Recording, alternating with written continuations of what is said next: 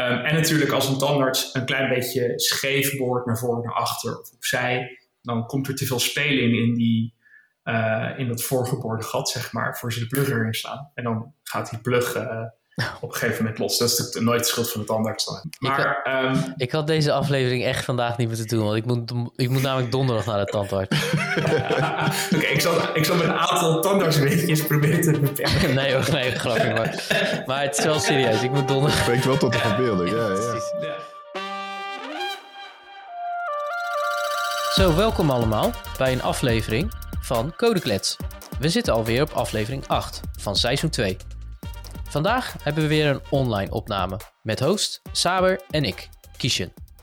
Hey Saber, dat is lang geleden zeg hè? Ja, echt enorm lang. Nee, het voelt... Ik weet niet eens meer, hoe lang is het? Een paar weken? Nee, wanneer is het nee, voor? Twee weken? We hebben, volgens mij hebben we elkaar echt... Ik heb het gevoel dat ik jou gewoon vorige week al uh, ontmoet, of uh, tenminste online ontmoet had. Maar goed. Uh... Ik heb echt serieus, voor mij is alles één grote fog. Sinds de big corona. Want het is echt, ja, ik kan echt, ik heb zo slecht het uh, gevoel van de tijdslijn. Maar uh, gevoelsmatig is het twee weken geleden. Maar ja, dat kan uh, zomaar een week zijn geweest. Ja, nee, volgens mij klopt het wel. Het is echt twee weken ja. geleden. Want we hebben natuurlijk de vorige aflevering... Hebben we ja, met, met automation, het test automation hebben we gehad. En daarvoor ja, ja, ja precies. hebben we nog een aflevering. Ja. hey, maar alles goed verder? Ja, ja nee, gaat zijn gangetje. Lekker ja, gewoon aan het werk.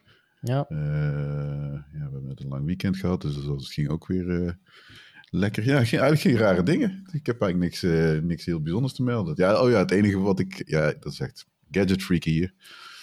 Ik hik al heel de tijd, echt al lang, er tegenaan om een, een camera te kopen. Een fotocamera. Oh, jij had het toch alleen? best wel een goeie, geloof ik. Ik, ik heb, nee, ik heb zo'n kleintje, zo'n Sony uh, RX105A. Dat is echt zo'n heel compact dingetje. Dus het is fijn. Die gebruik ik nu als webcam. Oh ja. En, uh, maar ik heb, ja, met mijn oude, ik heb een heel oude Nikon, zeg maar. Die is bijna tien jaar oud. Ja. En dat ding is de, twee, drie jaar geleden. Ja, die, volgens mij ken je die misschien Precies. Van, van, van een tijd geleden. Jeetje man, maar, tien jaar geleden. Ja. Weet je, ik voel me echt oud, weet je dat? Nou, je dat zo zegt. Dat ik Ja, dat nog precies. herinner gewoon. Tien jaar Ja. geleden, dat je met die Nikon liep. Ja, en toen, uh, ja, dat ding hield ermee op. Ik weet niet wat, of de batterij was. En toen had ik zoiets, ja, oké, okay, ik laat maar. Ja. En nu uh, zoeken, zoeken, zoeken. En toen heb ik nou weer besloten om een nieuwe Nikon te kopen. Niet goedkoop, het zal allemaal wel, maar uh, dat ding komt als het goed is morgen of zo. Dus en, daar ben ik wel blij mee. En ja. ga je weer naar spiegelreflex of? Uh... Nee, nee, uh, hoe heet dat? Systeem. Ja, een systeemkamer. Ja, precies. ik ook. Wij zijn ook ja. overgestapt. Ja. Echt waar? Ja. Cool. Ja, ik, ik, weet nog wel dat ik met jou tien jaar geleden daar een discussie over had. Nikon versus uh, Canon. ja, ja, dat klopt. Ja, ja, ja, nou ja, ik was natuurlijk helemaal uh, ja, lyrisch van Canon toen de tijd. Ja. Uh, ja, nu nog steeds wel hoor. Maar mm -hmm. wij zijn toch wel uiteindelijk overgestapt, mevrouw en ik, om nou, wat ja, wat klein, hè, wat compacter. Misschien heeft het met de leeftijd te maken, man. Dan kun je die shit niet. niet meer dragen. maar wat heb je nu dan? Ja, ik heb, we hebben uiteindelijk nu een Fujitsu. Oh, echt? Ik. Ja, ja. Daar heb ik over. Welke dan? Uh, XT... XT3 geloof ik. Of 30. Oh ja. Ik zoek hem even ja, straks kan. op. Maar er wel eentje ja, ja. die uh, ja, gewoon wat compacter is. En ja. Uh, ja, weet je wel, ook met de lenzen ook makkelijker. ja. En ik merk ook, ja, mijn vrouw die is nu ook best wel, weet je wel, die heeft ook pas nog een fotografiecursus gedaan weer om het een beetje op te leven. En je merkt wel dat het nu een stuk gemakkelijker gaat, weet je wel. Je neemt dat ding ja. gewoon zo makkelijk mee en uh, statiefje Klopt, erbij. Ja. Maar uh, ja, nee, dat, ik... is de, dat, is de main reason. Ja, nou, ik mis het heel erg. Want wordt, kijk, tuurlijk, zeker die, die, de, de camera's van je, uh, van je telefoon wordt wel beter en zo. Oh, Kijk, shit, dat ja, inderdaad. De, de, beste camera die, die is de camera die je bij je hebt. Nou, dat is tegenwoordig gewoon je telefoon. Dus dat, is natuurlijk, dat werkt. En, en ja, het belangrijkste en de meeste foto's maak ik van mijn kinderen.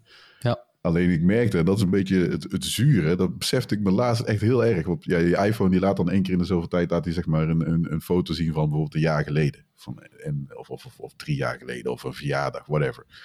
Toen zag ik een foto van, uh, van mijn zoontje, zeg maar, mijn tweede zoontje. En ik denk, wow, dat is echt een super mooie foto. Dus ik keek, ik keek, ik denk, oh, wacht even, die heb ik met die spiegelreflex ge uh, uh, gemaakt. Dus die veel mooiere foto dan ja. met, met mijn iPhone. Ja. En uh, toen, uh, toen keek ik, denk, wacht eens even. Dat is helemaal niet eerlijk voor mijn derde en mijn vierde. Want die hebben gewoon echt alleen maar gewoon... Tussen aanhalingstekens crappy foto's gehad. ja, dit, dit kan ik echt niet maken. Maar straks over 16 jaar denken ze... Ja, pap, wat, wat heb je... Waarom?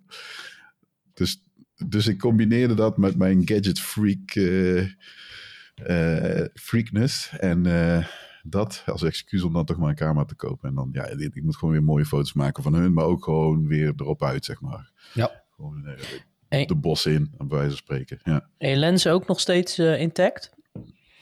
Nou, ik heb er de, twee. Dus eerlijk gezegd weet ik niet eens meer hoe, hoe goed het daarmee gaat. dus ik heb ze echt ergens, ergens nog liggen in stof. gedumpt. Ja, nee, maar goed, dan moet in, met die, uh, met die uh, hoe heet dat? Die mount van, de, van Nikon heb je een, een uh, verloopstuk nodig. Dat kost ook weer geld. Dus ik heb nu in eerste instantie, ik koop gewoon een kit lens erbij. Ja. En dan zie je wel hem gewoon gaandeweg, stap voor stap, gewoon lenzen bijkopen. Ja, mooi wel. En dan ja, hou het daar ook weer tien jaar mee vol. Dan vind ik het goed. Ja, dus, uh, maar goed, dat, uh, ja, dat was mijn, uh, ja. ja. mijn paar laatste dagen. Ja, ja. leuk wel. Ja, nou goed, ja, ook vandaag hebben we weer wederom een leuke gast weten te strikken. Die zich bezighoudt met een heel spannend onderwerp, genaamd AI-Driven Automation. Maar dan in de tandheelkunde. Ja, dat vind ik heel interessant. ik ben echt nieuwsgierig. Nu denken mensen echt dat we een tandarts hebben, hebben uitgenodigd of zo. Nee. Over robot. Over, over dat, ja. Wie weet, misschien. Nee, uh, we hebben het over Alex Nederlof. Welkom, Alex. Hi. Hey. Ja, oh, ja. dat ik mocht zijn. Ja. Vinden wij ook. Ja, wij ook. Ja, we zijn uh, wat dat betreft uh, lekker uh, bezig in, de, ja, in het uitnodigen van bijzondere gasten. Want ja, Alex is een, een CTO bij Promaton. En dat spreek ik nu goed uit, hè? Ja. Promaton, die, die loopt voorop in deze wereld. want ze zetten beeldgegevens om in klinische inzichten. En uh, ja, uh, dat is natuurlijk best wel een, uh, een flinke taak. En ja, de techniek die, die schreeuwt natuurlijk dan om innovatie.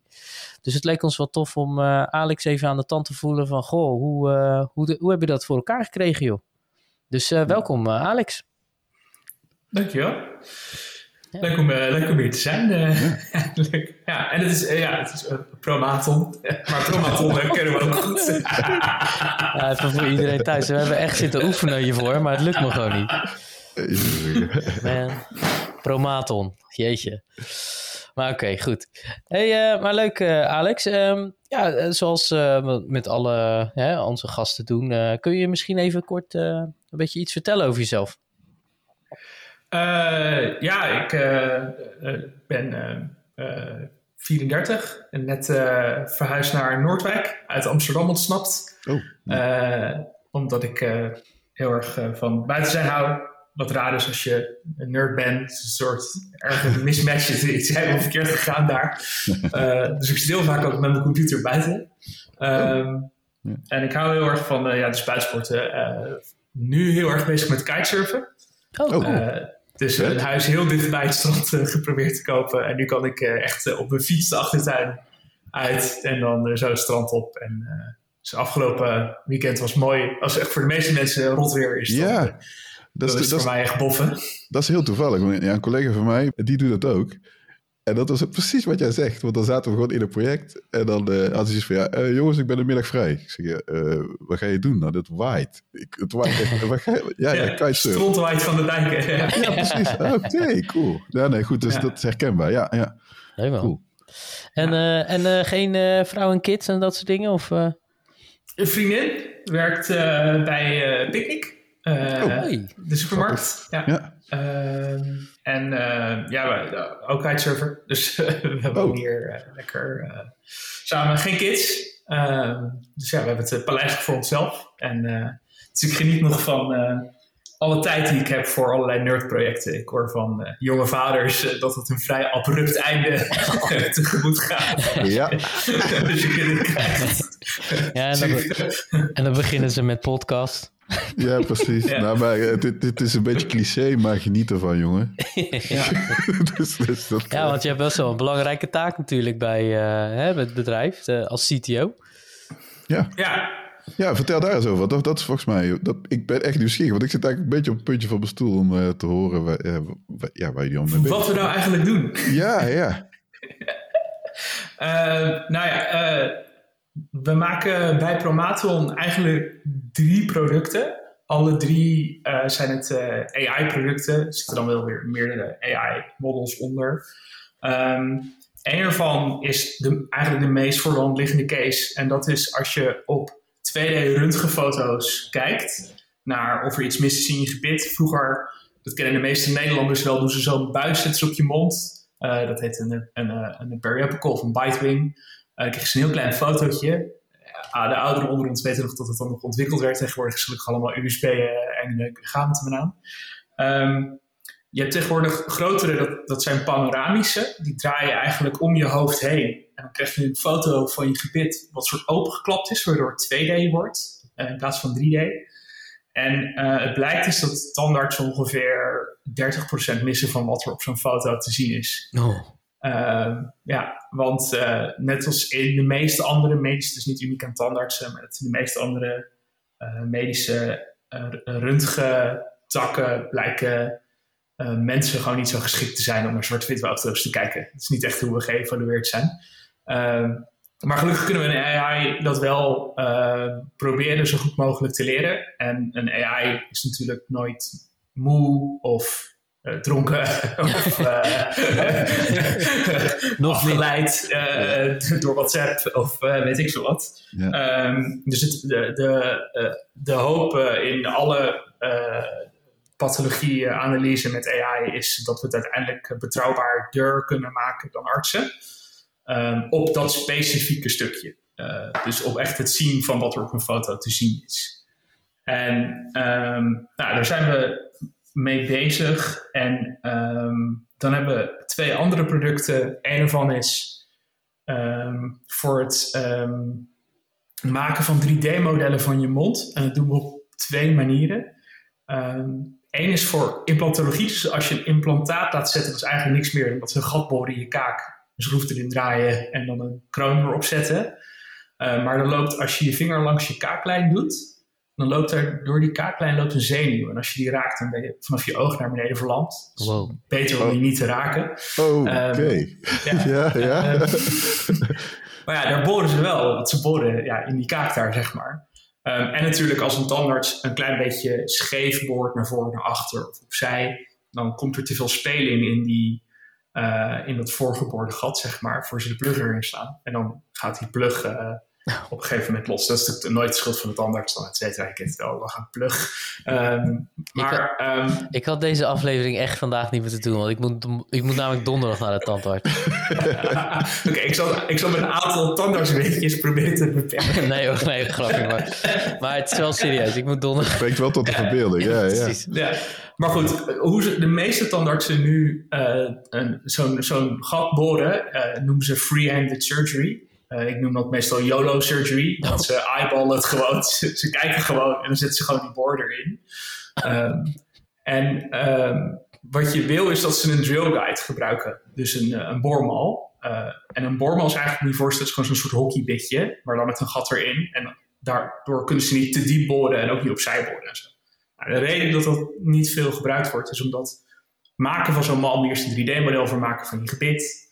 Um, en dat kost hartstikke veel tijd. Dus dat, sommige praktijken doen het wel, of wordt geoutsourced naar uh, een outsourceland, uh, et cetera. Maar het heeft nog geen uh, brede adoptie mogen krijgen, helaas. Um, maar als je dat met AI kan doen, dus je met AI in één klap dat 3D-model kan genereren, en um, dan, je, dan kunnen we eigenlijk gewoon dat ineens heel erg binnen binnen handbereik maken. En als 3D-printers een klein beetje opschieten, wat ze aan het doen zijn, uh, dan kun je zelfs naar een model waarbij een tandarts gewoon in zijn praktijk een 3D-röntgenscan maakt van je, uh, van, je, van je hoofd. En dat die AI aan de andere kant dan gewoon een uh, 3D-model eruit doet. Want waarom zou je in godesnaam naar een 3D-röntgenscan kijken als je ook in één klap naar het 3D-model kan kijken? Dan zegt de tandarts van, hey, de AI kan ook zelf zeggen in de toekomst van, hey, volgens mij wil je, je deze tand ziet er niet oké uit, waarschijnlijk wil je hier iets. Dan doet hij een suggestie van hoe die voor het implantaat geplaatst kan worden. En dan zegt het tandarts uh, bueno. Ehm, en dan moet je nog een andere scan hebben. Dat is het andere product van wat wij doen. Dus het ene product is van zo'n 3D-röntgenscanner model maken. Maar röntgenscans zijn een iets lagere resolutie. Eigenlijk te laag voor nauwkeurig printen. Dus wat we ook nodig hebben is wat we noemen een intraorale scan. Dat was vroeger dat je zo'n stukje klein moest bijten, weet je dat nog? Ja. heb je waarschijnlijk wel eens gedaan. En dat, dat, dat, deden ze dan nou, heel vroeger. Tekenen ze dan die mal over. Tegenwoordig gaat het gewoon in een 3D laserscanner. Um, maar de opvolger ervan, en die kun je tegenwoordig wel in praktijken zien, is eigenlijk een soort tandenborstel met acht camera's erop. En die doen ze, bewegen ze zo door je mond, als een soort leider eigenlijk. En dan, uh, dan heb je een 3D-model van de binnenkant van je mond in hoge resolutie. En de AI legt dan zeg maar de, die lagere resolutie, maar wat we noemen volumetric data, dus zeg maar dat hij van alles er doorheen heeft gekeken, legt hij op dat surface model, dus een intraorale scan die alleen maar van de buitenkant is. Dan heb je een hoge resolutie. En dan kun je dat in één keer zo naar uh, je printer sturen. En dan kan je printer zo'n boormalletje voor je maken. En die, die, en die surface scans die worden bijvoorbeeld ook weer gebruikt voor orthodontie. Want een orthodontist plant natuurlijk, die wil individueel je tandjes kunnen bewegen. Um, wat tegenwoordig super hip is, zijn die Invisaligners. Van Invisalign, die zie je niet. Die dragen mensen 22 uur per dag.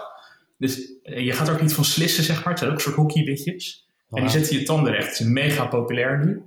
Um, en uh, omdat het zeg maar niet meer esthetisch natuurlijk iets verandert. Je loopt niet meer met zo'n uh, stalen beugel rond. Uh, dus heel veel mensen laten nu op zeg maar 25-plussers die vroeger nooit een beugel wilden omdat het niet mooi was, die laten we dan nu alsnog even het klein beetje corrigeren. Gewoon esthetisch. Maar dan krijg je dus elke week een nieuw beugeltje 3D-print thuisgestuurd. En elke week vervormt het je gebit ietsje verder, zeg maar. Nou, dat zijn natuurlijk allemaal 3D-modellen die erachter zitten. Um, en dan um, is er nog een laatste categorie, dat is voor kaakchirurgie, maar dat is ook uh, in het belang van Kishen. Uh, niet verder uitleggen wat we denken. nee, nee, nee, nee, nee, niet in nou, ja, ja. Ik, ik, doe mijn oren wel dicht hoor. ja, ja, ik, ik, kijk, het lullige, nou, dit, dit, dit, is een podcast, je kunt het nog toch niet zien. Ik, ik, ik, daar heb ik wel eens gezegd, ik ben nierpatiënt, dus ik heb op een gegeven moment heel veel ziekenhuis gezien. Nou, dat uh, was ik een beetje beu. Of, of beu niet. Die, die wordt, dat, essentieel, je, je moet gewoon gaan. Dat is gewoon uh, verder geen discussie, ja. dus daar ga je gewoon. Alleen daardoor heb ik wel, zeg maar, mijn gebit een beetje verwaarloosd. en uh, dus ik kwam bij de tandarts. Dus de eerste, een van de eerste keren nadat ik al die transportatie, weet ik wat, al heel veel gedoe achter de rug had. Uh, die tandarts zei, nou, ga eerst maar naar de mondhygiëniste. Dus die, er waren dus eerst twee sessies van een uur. om echt alle tandvlees even flink goed te krijgen. Want het was echt heel onrustig. Dan moet het rustig worden. En toen, maar goed, bleef, er zijn een aantal kiezen getrokken. Veel. En ik moet dus echt aan een implantaat uiteindelijk. Dus ik moet hier echt aan geloven. Dus ik hoor dit verhaal en denk, hey, cool. Ja, ik hoor gadgets en ik yeah. weet dat het pijn gaat doen en het, het gaat niet leuk zijn. Maar het klinkt hoopvol, zeg maar. Ja, zeker. Uh, dus dat, nee, dat, dat, ja, dat, ik wist dit allemaal niet, zeg maar. Het is ook niet dat ik iedere week bij de tandarts zit, maar dat is wel, uh, wel interessant om te horen. Ja, ja grappig. Ja, het is wel, het is wel tof dat uh, Promaton dan een, uh, ja, wat is het? Een van de eerste bedrijven zijn die dan ook echt in die markt ja. stappen. Hè? kun, je daar, kun je daar iets meer over vertellen? Hè? Want ja, hoe ben je daar beland en ja, hoe is dat gegaan? Een uh, is begonnen door uh, een studievriend van mij, Bas Verheij. Die, uh, die ken ik dan weer omdat we samen ooit de, de jazzclub van de studenten jazzclub van Delft gestuurd hebben. Ja, cool. En dus is gewoon hele goede, hele goede vrienden gebleven. En die deed de, die, die werkte bij de data, toen was big data nog heel hip. Uh, afdeling van uh, Accenture. En die keek heel erg naar wat kan AI nu en wat kan het in de toekomst. En zorgde ervoor dat er trainingsprogramma's daarvoor waren binnen Accenture. Um, en zijn middelbare schoolvriend David, die was op dat moment zijn PhD in digital dentistry aan het doen. Op een heel vet onderwerp waarbij ze kijken naar autotransplantatie van uh, hoe heet het ook weer? Je uh, kies die je niet gebruikt, je verstandskies. Verstandskies, ja. Sorry, ik gebruik normaal in de Engels. Ik zit helemaal in de Engelse ja, variant. Um, uh, want als jij een implantaat zet, dat is gewoon een schroef in je kaakboor, zoals ik al zei. dat is iets wat je lichaam eigenlijk altijd probeert af te stoten. Uh, en bij, uh, bij een implantaat doen ze dat door dat je bot, dat noemen ze re resorberen volgens mij, maar dat je bot eigenlijk gewoon terugtrekt rondomheen. Dus wat veel mooier zou zijn is als je iets terug kan plaatsen wat je lichaam eigen is. En dat is mogelijk een verstandskies. Um, dus daar, daar was dat aan het doen. En wat ze dan moeten doen is, dan maken ze eigenlijk eerst een foto, een 3D-röntgenscan van je gebit. Dan maken ze een 3D-model van die verstandskies. Dan 3D-printen ze die. En dan proberen ze die eigenlijk in dat andere gat te frotten tot het werkt. Een beetje bijschaven en zo. Dan scannen ze dat weer. en, dan, en dan kunnen ze een autotransplantatie doen. Nou, dit is uh, nog helemaal niet... Uh, dit is echt nog onderzoek, zeg maar. Ja, en, ja. Maar het zou heel vet zijn als dit gaat werken in de toekomst. Ja. Maar Bas die zat een beetje te kijken hoe David in een of ander schraal programma zo'n 3D-fotootje, wat moet je je voorstellen, 3D-röntgen segmentatie is gewoon letterlijk elke 2D-laag afgaan en dan gewoon inkleuren. En dan bedoel ik met een slechtere interface dan Paint. En dan zo klik naar de volgende laag en dan weer zo la la la invullen, klik. Nou goed, het duurt natuurlijk een jaar. Ja. En, uh, en Bas zei, hey, AI kan dat tegenwoordig ook man. En toen dacht ik, oh, als dat zo is, dan moeten we daar volgende week even een bedrijf in starten. Want uh, er zijn best wel veel mensen die het nodig hebben. Um, en toen heeft Bas weer een maatje van hem gebeld die heel erg into deep learning was, Frank. En um, die hebben samen een prototype gebouwd. En toen zijn ze twee weken later volgens mij Promatum begonnen. Uh, Bas heeft zijn baan bij Accenture opgezegd. En uh, David heeft zijn tandartswerken teruggeschaald naar het minimale. Die had nog wel een eigen praktijk, dus die kon niet zomaar gewoon wegrennen. Dus ja, die zijn zo begonnen. En um, ik zat toen als CTO bij Magnet Me. En ik was al een beetje aan het kijken naar een volgende uitdaging. En toen had ik Bas elke twee, drie dagen aan de lijn over hoe je een bedrijf start. Van uh, hoe zet ik een uh, stak op met certificaten voor, me, uh, voor mijn werknemers. Hoe haal je investeringen op. Tot hoe manage je nou eigenlijk zo'n data pipeline en zo. En ehm, toen dacht ik op een gegeven moment, ja, het is eigenlijk wel gewoon een heel vet idee en een hele vette uitdaging. Dus anders kom ik gewoon bij jullie werken. dan, dan gaan we het gewoon samen even cheffen. Dus ik ben er na vier, vijf maanden ben ik erbij gegaan of zo. En hoe lang, hoe lang bestaat het bedrijf nu inmiddels? Uh, volgens mij drieënhalf jaar, oh, zou ik willen wow. zeggen. Ja, dat is nee, precies. Ja. Ja. ja. En hoe, hoe ben jij dan uh, begonnen hè? als, uh, ja, als techneut slash softwareontwikkelaar? Um, nou, ik was niet een van die early day hackers, zoals je deze, in deze podcast misschien wel traditie is. ja, old school. ik, zeg, het ja, maar, zeg het maar gewoon hoor, zeg het maar. Nee. mijn, mijn vader was programmeur, dat hoor je dan weer niet vaak.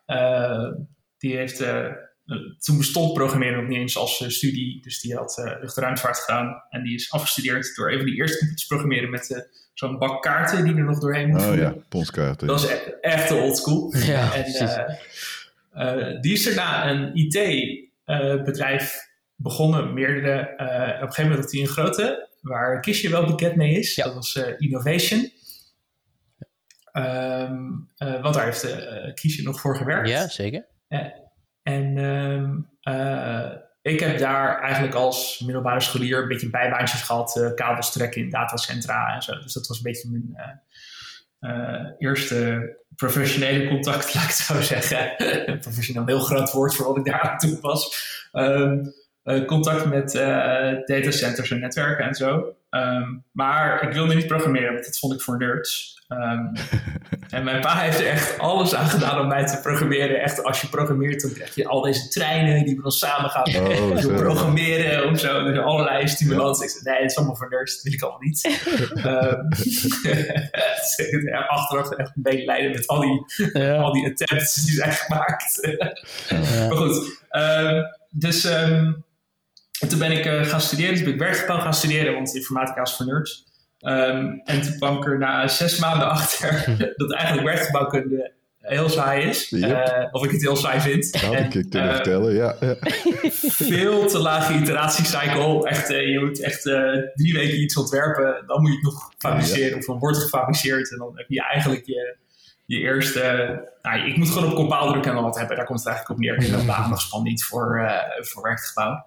Ja. Uh, maar ik was ondertussen wel vak aan het doen bij informatica. Want ik vond sommige dingen gewoon prachtig. Dus vanwege mijn achtergrond in uh, datacenters en netwerken vond ik netwerken vet. Dus ik volgde het vak Computer Networks. En dat vond ik fantastisch aan de TU Delft. Um, dus toen ben ik geswitcht naar informatica na een half jaar of na een jaar of zo. En uh, ja, toen op een gegeven moment, dus daar heb ik leren programmeren, Java natuurlijk. Yeah. Um, want dat, de TD doet alleen, uh, of doet, toen was de mainstream taal daar nog Java. Volgens mij is het nu inmiddels al Python geworden. Maar, ja, dat zal, uh, ja. ja, dat denk ik wel, ja. ja.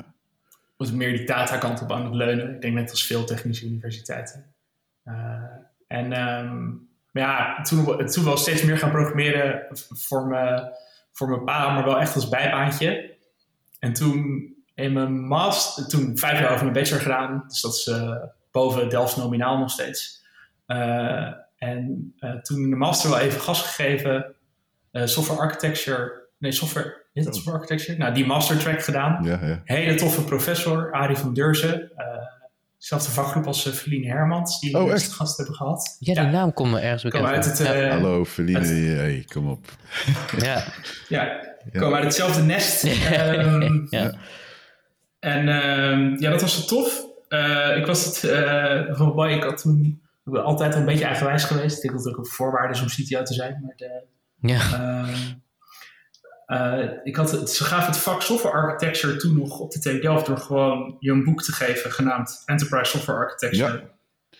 En dan moest je dat dan maar lezen. En en dan kreeg je daar een tentamen over. En dan moest je gewoon uh, nou, acht enterprise patterns oprakelen. En dan, ja, dan was dat het, zeg maar. Een zwart met rood boek? Ja, ja. ja. Oh, ja. Edison Die- Wesley, ja. ja, ja. Die, Ik zei, tegen, te- ik zei tegen mijn professor, dit gaat echt helemaal nergens over. Eh, Ja. Zo leer je toch nooit architecture? Wat, wat is dit nou? dit, dit boek wordt, heb ik een keer zeker gezegd van, eh, dit boek dit wordt ooit een keer een, eh, een eh, monitorsteun. Oh ja. Ja, zeker. Ja. Daar is het heel geschikt voor. Ja, Ja. Als je ooit in je calculus zat bent. Ja, Ehm, oké. ja, precies. Calculus is iets dikker nog. Ja, maar goed. Ja, ja. Flauw grapje, flauw. ja, is een betere oog. ja. En, eh, maar uh, Arie van ja, again, eh, groot fan, die, die zei, nou, als je het beter weet, doe dan. En toen heb ik het jaar daarna, toen ik dus zelf nog mijn master deed, samen met Arie van het vak software architecture gegeven. Ah, ja. cool. En eh, wat we toen deden, dat was heel cool, is we lieten, met, want ik erger me eraan dat eigenlijk iedereen op de universiteit gewoon geen idee had van eh, eh, software engineering op schaal. Eh, nou hoe, hoe dirty en hairy het eigenlijk is om een project überhaupt te compilen, laat staan te starten, zeg maar. Nou, ja, en want iedereen in, op de universiteit leef je echt in zo'n bubbel van kleine assignments doen, weet je wel. En allemaal hele contained dingen. Ehm, en eh, in mijn werkervaring toen kwam ik erachter dat zeg maar een, een beetje een normaal systeem eh, aan de slag krijgen. We moeten nog, dit was eh, pre-Docker, Docker Compose, dat soort handige dingen die we nu hebben. Als je de database moest starten en je moest uitvinden hoe Maven compiled, maar dan had ze weer een van de joker ergens een jar-file die je op je disk moest hebben. Nou goed, dat soort dingen. Ja. Ehm, en als je dan de code moet leren begrijpen, dan kom je er pas achter wat een goede en een slechte architecture is. Dus wij hadden toen als vak dat je mocht zelf een open source project kiezen. Mocht elk open source project zijn wat je wilde, maar het moest wel een minimale grootte hebben, wat we dan volgens mij meten in eh, lines of code en contributors en in whatever. En dan moest je dat eh, klonen. En dan in de eerste paar weken moest je het dan helemaal analyseren. Moest je dus ehm, eh, een architecture diagram ervan maken. En dan moest je daarna met, met de main contributors daarover interviewen eigenlijk. Eh, en kijken of je een contribution kon doen. En je moest het zelf kunnen draaien. En dan in de laatste weken moest je een suggestie doen voor een architecture improvement. En dat ook eh, hopelijk, hopelijk dat hoopten we dan dat mensen het ook echt konden voorstellen aan de makers. En mensen moesten een contribution doen. Om gewoon mee te maken hoe moeilijk het is om een goede PR te maken die gewoon echt wordt geaccepteerd. Zeg maar.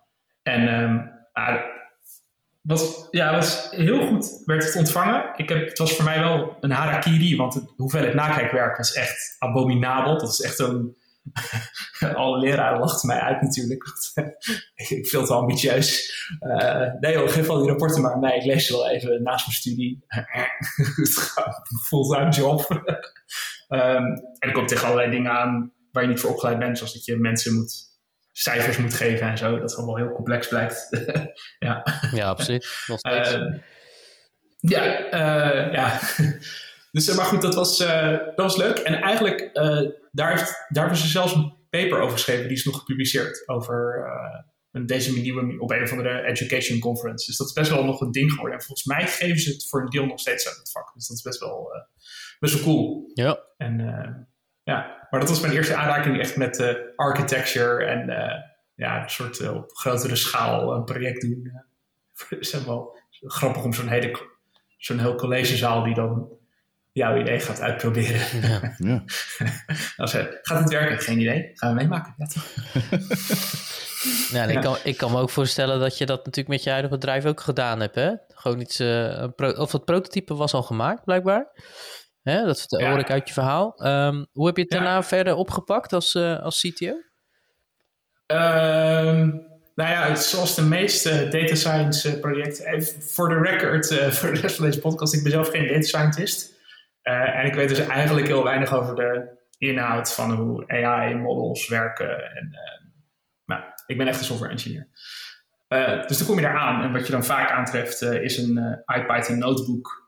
Um, waar um, heel veel regels code niet opgedeeld in methodes onder elkaar staan. um, je gewoon zo'n labcode en die doet iets. En niemand weet waarom of hoe, want uh, uh, the magic of data science. Uh, het werkt over het algemeen alleen maar op de computer van de ontwikkelaar. want het is afhankelijk van allemaal files die op allerlei plekken staan en zo. En ehm, nou ja, dat, dat moet dan een product worden. oh, uh, en dan zo, ah, oké. Okay. Uh, oh ja, het is in Python. En dat is een taal die ik niet uh, kende. Dus uh, ja, daar begon het mee. En, dat, dat, dat, is wel, het is wel, wat je nu zegt is wel, voor mij in ieder geval zeker herkenbaar. en niet, niet heel lang, hè. Ik bedoel, want ik ben ook, ik, ik, dat zeiden we net voor de podcastopname eigenlijk ook. Ik bedoel, ik heb echt geen kaas gegeten van AI en dus dat, dat, moet je, dat, dat, moet, dat is gewoon glad ijs. Daar heb ik echt helemaal geen kaas van gegeten. En maar wat ik wel hoorde en zie om me heen, want ik zit bij mijn huidige opdrachtgever. Uh, ja, goed, daar ben ik nu weer begonnen, maar twee jaar geleden zat ik daar ook. En dan, toen we nog op kantoor kwamen, werd ik omringd door allerlei hele knappe koppen die dus heel veel analyses deden. Uh, het grappige was dat een van de mensen die daar werkte, die had de voorkeur voor R. Maar eigenlijk iedereen die van eh, de TU Delft, dat was de hoofdleverancier voor het bedrijf eigenlijk. Uh, die de, ja, ja, precies MATLAB en, en Python, zeg maar.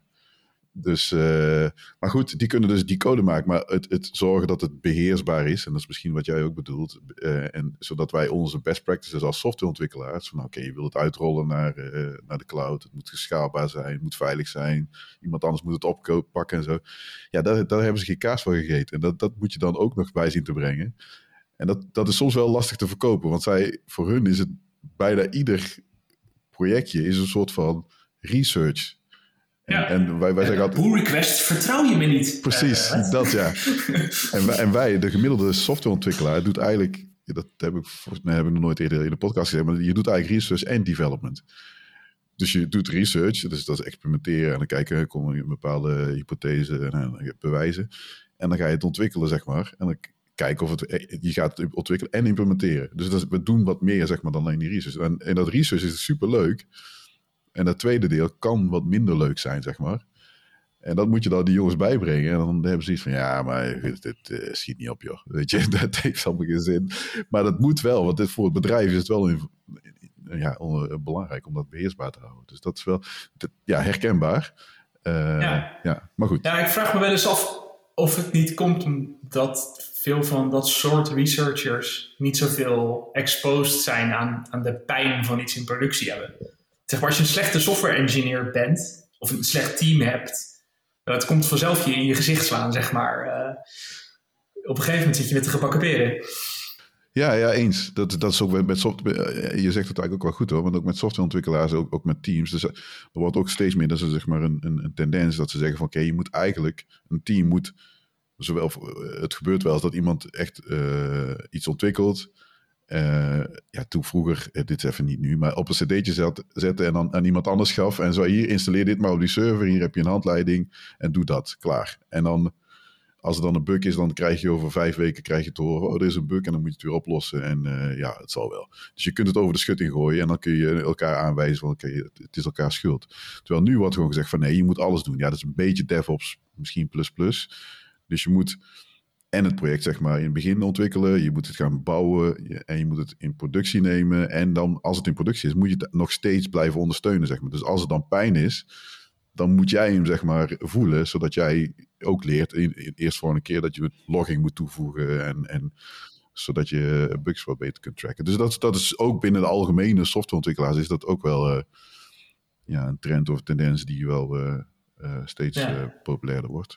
En ja. belangrijk We hebben zo'n joke binnen Promato dat we in pull requests elkaar vaak taggen met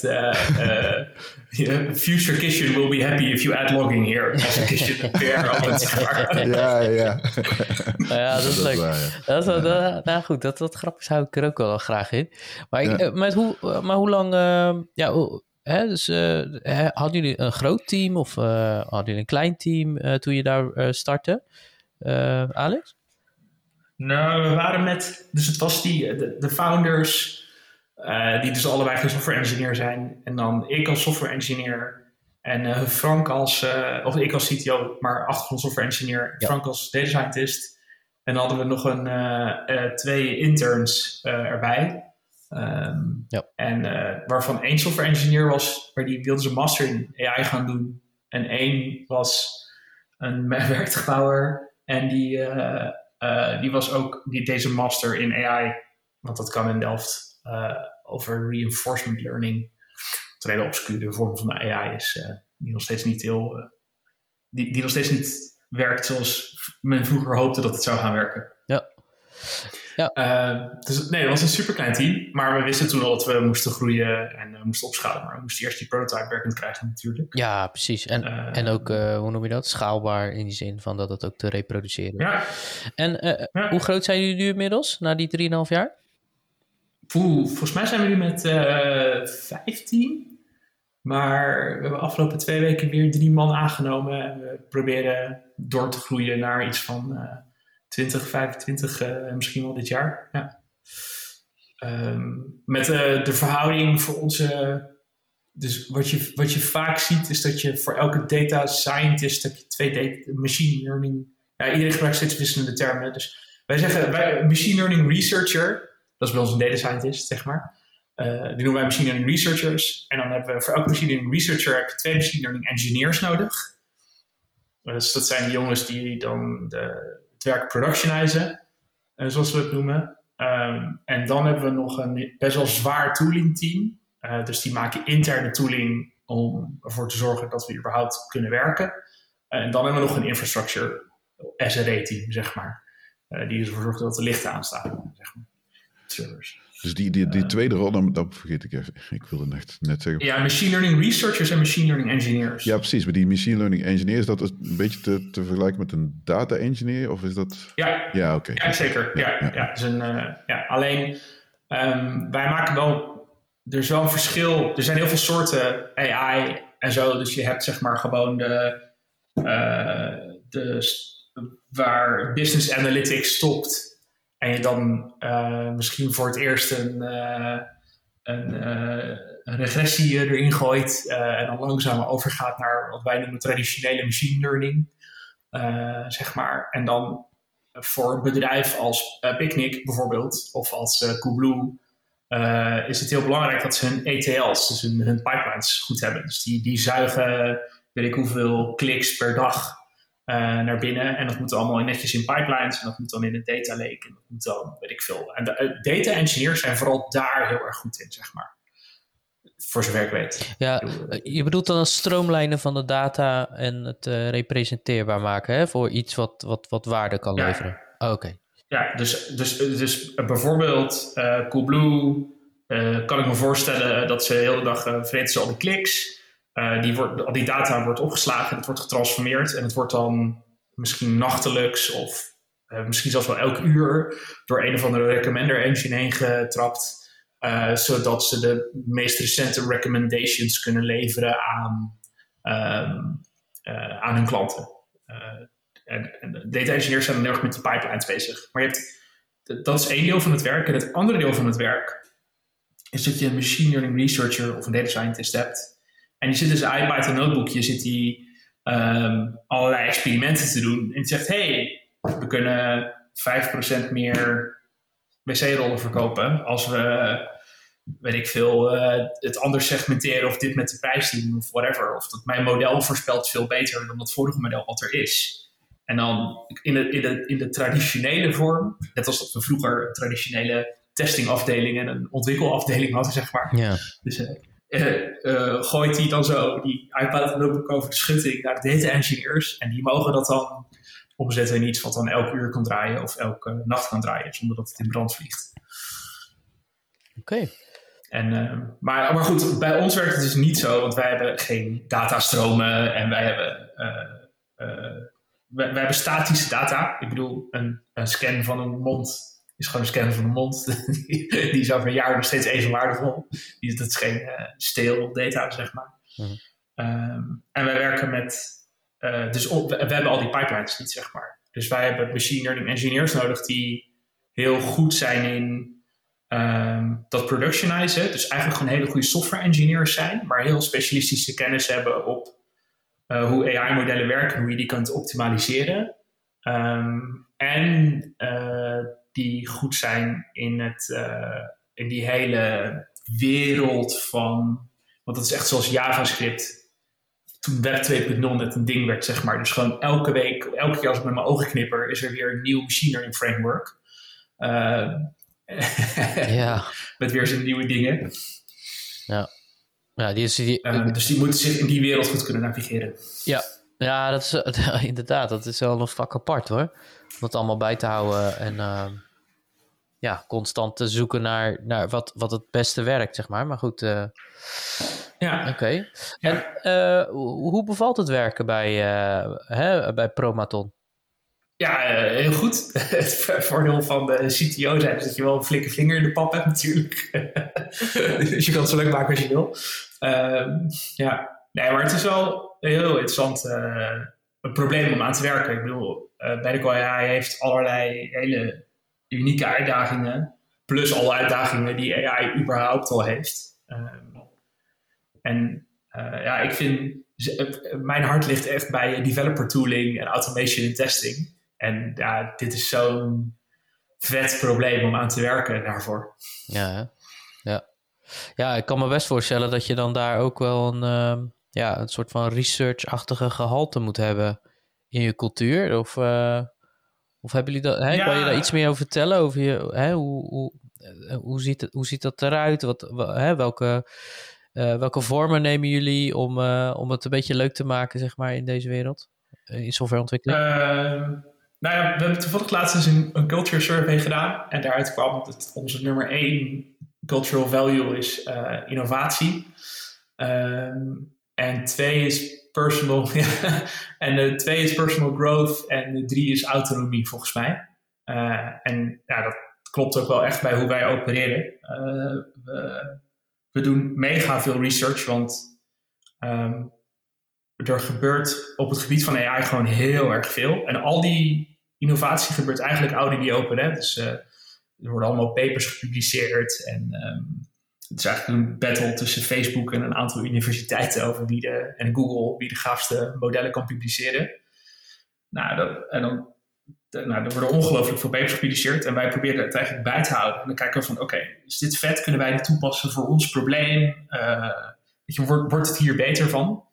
En dan uh, trekken we dat naar binnen en dan gaan we dat uitproberen. Dus we hebben zeg maar uh, gefocuste research. De, bijvoorbeeld de machine learning researchers hebben elke maand een paper review sessie. Dat is met z'n allen een soort boek, boekenclub. gaan ze, gaan ze met z'n allen papers eh, aan elkaar presenteren en zo. Of eigenlijk op een universiteit. we hebben hackathonweken, waarin heel vaak nieuwe dingen, compleet nieuwe dingen worden uitgeprobeerd. Van wat nou als we het radicaal anders doen.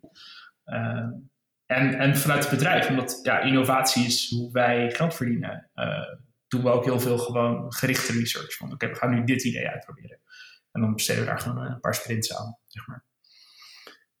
en dat is, dat is aan de machine learning researcher kant. En aan de machine learning engineering kant maken we het heel spannend. Omdat ze zeggen, we gaan uh, de allerbeste engineering practices proberen toe te passen op AI. En dat, dat is nu nog een beetje uh, een vierkantje proberen door een rondje te slaan op zo'n zo'n blok. uh, maar het, het, vergt vrij veel veilen en kracht. Maar op een gegeven moment lukt het wel. Maar als je die, ja, de, het bijvoorbeeld, uh, het voorbeeld wat ik heel vaak schets, van als je wil voorstellen hoe raar het is om bij ons kwaliteit te waarborgen, is. Um, we hebben ten eerste al het probleem dat je niet weet wanneer het resultaat van de AI goed is. Dus zeg maar, als je, als je terug naar de wc-rollen, wc-rollen verkoopt en je verkoopt 5% meer wc-rollen, dan heb je het goed gedaan. Je, er, daar, daar, heb je geen opleiding voor nodig om dat te begrijpen. Dat dat, dat beter is, meer verkoop is beter. Uh, maar bij ons, er komt gewoon iets uit die AI-rollen en dan kijk je naar en denk je, ja, ik zou het prima vinden. Maar jij bent geen tandarts. Dus je moet dan nog, je moet dan nog naar een clinician toe, die dan zegt, oh ja, dat is wel, weet je wel, goed of niet. Maar het is AI, dus het is nooit zo lineair. Dus zeg maar, komt dan uit onze testen gedraaid dat uh, eh, 10% van de scans hebben een lagere uh, intersection over union. Dat is dan zo'n metric die we gebruiken om twee, als je een plaatje hebt en je legt een ander plaatje overheen, het gedeelte wat overlapt, dat is je intersection over union. Dus als je je gewenste output en je output van de AI zo vergelijkt, dan heb je een soort metric. Maar ja, is het zeg maar, je kan je voorstellen als je handen op elkaar legt, je doet je hand een klein beetje naar rechts. Ja, dan heb je heel veel pixels die niet overlappen. Maar het antwoord zit er, weet je het is best wel goed. Maar je kan ook al die pixels op één hoop doen en een soort stulp creëren. Ja, dan is het heel slecht. Dus je moet ook nog eens visueel alles inspecteren.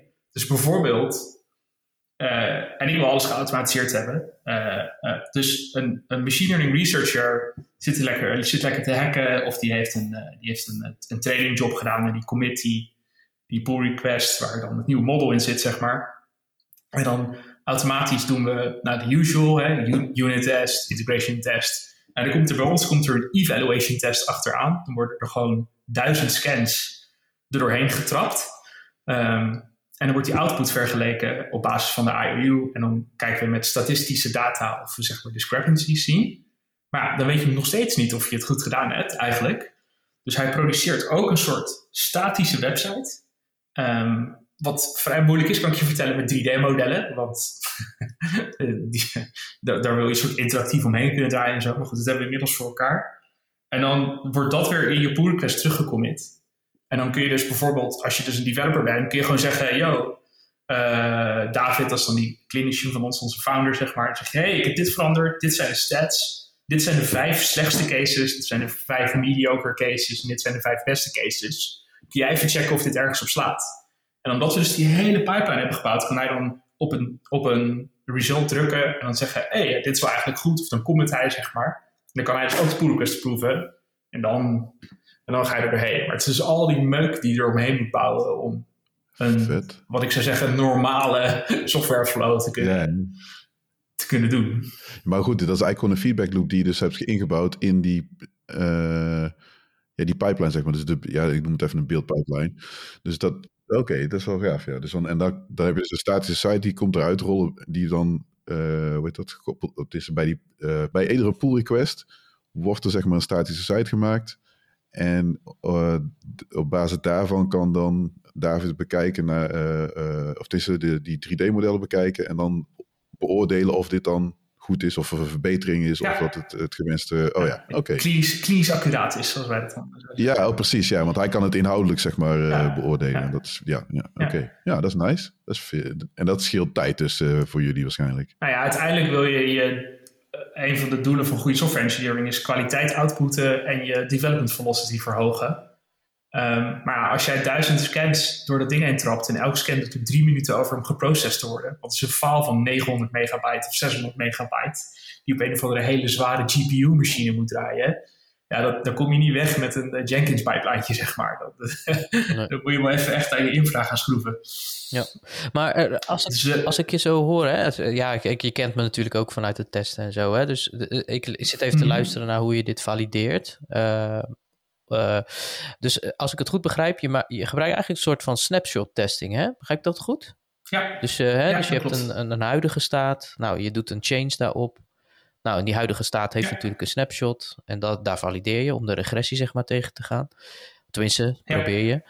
Um, en, nou, we hebben alleen het detail is wel, we hebben een ideale staat. Oh ja, de ideale. Dus de huidige oh, staat. Is een goeie, en, maar we hebben ook de, golden truth set, zeg maar. Dus er zijn, als je kijkt naar data-annotatie, hebben heel veel scans. Die worden geannoteerd door artsen. En dan hebben we een, een subselectie daarvan, wordt door meerdere artsen geannoteerd. En waarom doen we niet alles door alle artsen? Dat is te duur. Uh, uh, dus er is een selectie, dat noemen we de golden set of de test set, zeg maar. En die is dan meerdere keren, want vraag drie radiologen naar dezelfde foto krijgen, krijg die verschillende antwoorden ook nog. Dus dat is nog een extra complexiteit, zeg maar. Dus we hebben die, die golden set en daar doen we een soort van snapshot testing tegenaan. Dus we kijken naar golden set, current set en future set. Het, het, zijn dezelfde principes, alleen het kost gewoon iets meer werk om ze toe te passen. Ja, nee, en je krijgt heel weinig tools uh, gratis. Ja, nee, dat kan me heel goed voorstellen, ja.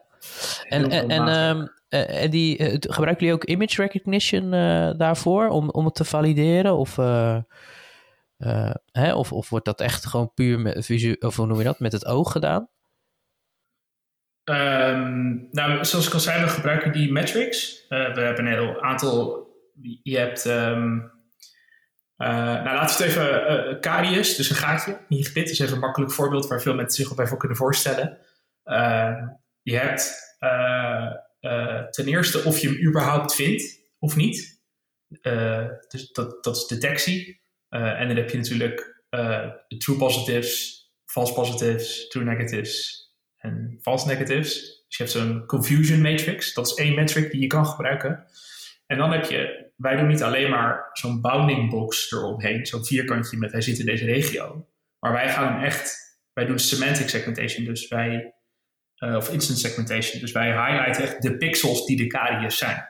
En dan gebruik je zo'n intersection over union, waarbij je zegt, ja, hoeveel overlap heeft de, heeft de AI ten opzichte van de gewenste set? Nou, dat zijn bijvoorbeeld twee metrics die wij gebruiken. Want het ding zelf is image recognition natuurlijk. Ja, snap ik. Ja, ja, ja, ja, ja, precies. Dat is natuurlijk die hele AI, ja. Ja, ik zit, ik, misschien zit ik gewoon uh, wat dat betreft een beetje in mijn, uh, in mijn hoofd zit ik nu aan Appli tools te denken. Ik weet niet of je het toevallig kent, maar Tools is een, uh, ook zo'n AI die ook wel gebruikt wordt in test automation om, hè, noem het maar even, websites qua layout wijzigingen zeg maar, te controleren. Maar goed, dat is wel een hele simplistische vorm hoor. Maar ik zat even een link daarin te zoeken, maar ik, ik merk dat dit duidelijk gewoon complexer is. Ja, dat is niet zomaar even een, hè, een screenshot vergelijken met elkaar. Nee. Alhoewel, ik moet wel zeggen, ja, maar ik moet, ik, ik moet wel bij zeggen dat, dat ICE hè, van, van Appli Tools, dat is de engine die erachter zit, mhm. Die is wel verrekte slim hoor. Die, uh, die kan echt dingen herkennen joh. Dat vond ik, vond ik heel knap hoor. Uh, dat hij dus echt, hè, want op een gegeven moment als tester ga je, ga je kijken naar uh, hè, de wijzigingen op het scherm. En dan kan je wel met mhm. je oog kan je een beetje zien van oké, okay, hm, het klopt wel. Maar je kan dat ding dus echt da daadwerkelijk vertellen van nou, negeer alle data die op de pagina staat. Ik wil alleen maar zien dat de hoofdelementen, weet je wel, aanwezig zijn. Ja. Nou, dat vind ik toch best knap dat, dat zo'n AI dat kan. Even kijken, ik, ik, zie ook nog een vraag van Bernard binnenkomen. ik, ik, Saber, je had hem net even ingetypt, zag ik. Ehm. Nee, ik weet of, niet. Of zal ik volgens mij, mij, dat mag van mij. Ja, uh, doe maar, lees maar ja, voor. Ja, dat is goed. nou, of oh, misschien was het Bernard zelf. Ja. Ik denk dat Bernard zelf een weer oh, oké, oké. Ja, ja, sorry. Ja. die zit natuurlijk een beetje zijdelings mee te kijken. Ja. Uh, even kijken. Ja, ik heb net het... Uh, ik, Bernard, die, dat is een van onze hosts, Alex. die vraagt... ik heb het idee dat de orthopedie redelijk vooruitstrevend is... op het gebied van nieuwe software toepassingen en ontwikkelingen. Is dat zo? Wat vind jij? Uh, zou kunnen. ja. uh, orthopedie? Ja, uh, geen idee. Nou, ik heb nooit Nee, maar goed, maar dat heeft geen raakvlakken met wat jullie doen, uh, Alex. Nee, ja, oké. Okay, nee, wij zitten echt in de tandheelkunde. Ja, en, ja, um, precies. Ik weet niet zo goed. Ik weet van een aantal, bijvoorbeeld in Nederland heb je ook een start-up Edent. Die kijken naar uh, longoncologie, dus uh, longkanker. Um, je hebt uh, Skin Vision, dat heeft heel veel VC-geld opgehaald. Die kijken naar huidkanker. Uh, er zijn echt ontiegelijk veel uh, medical AI startups en companies. Want hetzelfde trucje, 3D-modellen maken, 2D-röntgens analyseren op pathologieën, wordt natuurlijk gewoon, die innovatie is gedaan. En dat wordt nu geadopteerd in alle velden tegelijk. Ja. oh ja, en de laatste is het combineren van data. Dat is natuurlijk ook een hele belangrijke. Dus uh, uh, onze artsen zijn allemaal silo's. Je gaat naar je huisarts, dan ga je naar je, weet ik veel, uh, je, en dan hoop je dat ze af en toe elkaar bellen, maar vaak is het niet zo. Dus ik weet niet, je zei dat je voor je nieren... Ja, klopt, ja, ja. Waarschijnlijk heb je wel ervaren dat er dan af en toe... Ja. ja. maar als je nou, als alle data goed beschikbaar zou zijn, um, en goed en veilig, obviously, uh, dan, uh, dan is een andere field of research waar nu field of research waar veel startups in AI startups in beginnen is om te kijken of ze al die verbanden kunnen leggen. Bijvoorbeeld, um, grappig genoeg, vroeger vervulde tandartsen vooral die functie, hè, want de tandarts is de enige arts waar je regelmatig heen gaat. Oh, ja. Voor, waar je voor controle heen gaat. Je gaat nooit voor controle naar de huisarts. Nee. Ja. Uh, dus die kunnen vaak dingen als eerst zien. Dus bijvoorbeeld uh, als jij uh, diabetes hebt of hartklachten, dan je gebit reageert echt op alles. Ja. Dus als je, als je tandvlees heel erg terugtrekt, dan kan het ook een aanleiding zijn voor iets anders. Ja. ze zien heel veel kankers, zien zij heel snel en zo. maar wat je, zou, wat je zou willen, is natuurlijk dat een, een, een bot dat gewoon al die verbanden legt. Want die kan wel de tijd nemen om, uh, wat een arts een avond zou duren, om even rustig jouw hele dossier door te nemen en naar al je bloedwaarden te kijken en je, weet ik hoeveel specialisme aan te leren. In theorie zou een AI al die specialismen kunnen combineren en kunnen zeggen, wacht even, op die test had jij zo'n uitslag, op deze foto zie ik dit, er gebeurt daar wat. Je moet een foto laten maken van je darm, weet ik veel, dat er daar iets is.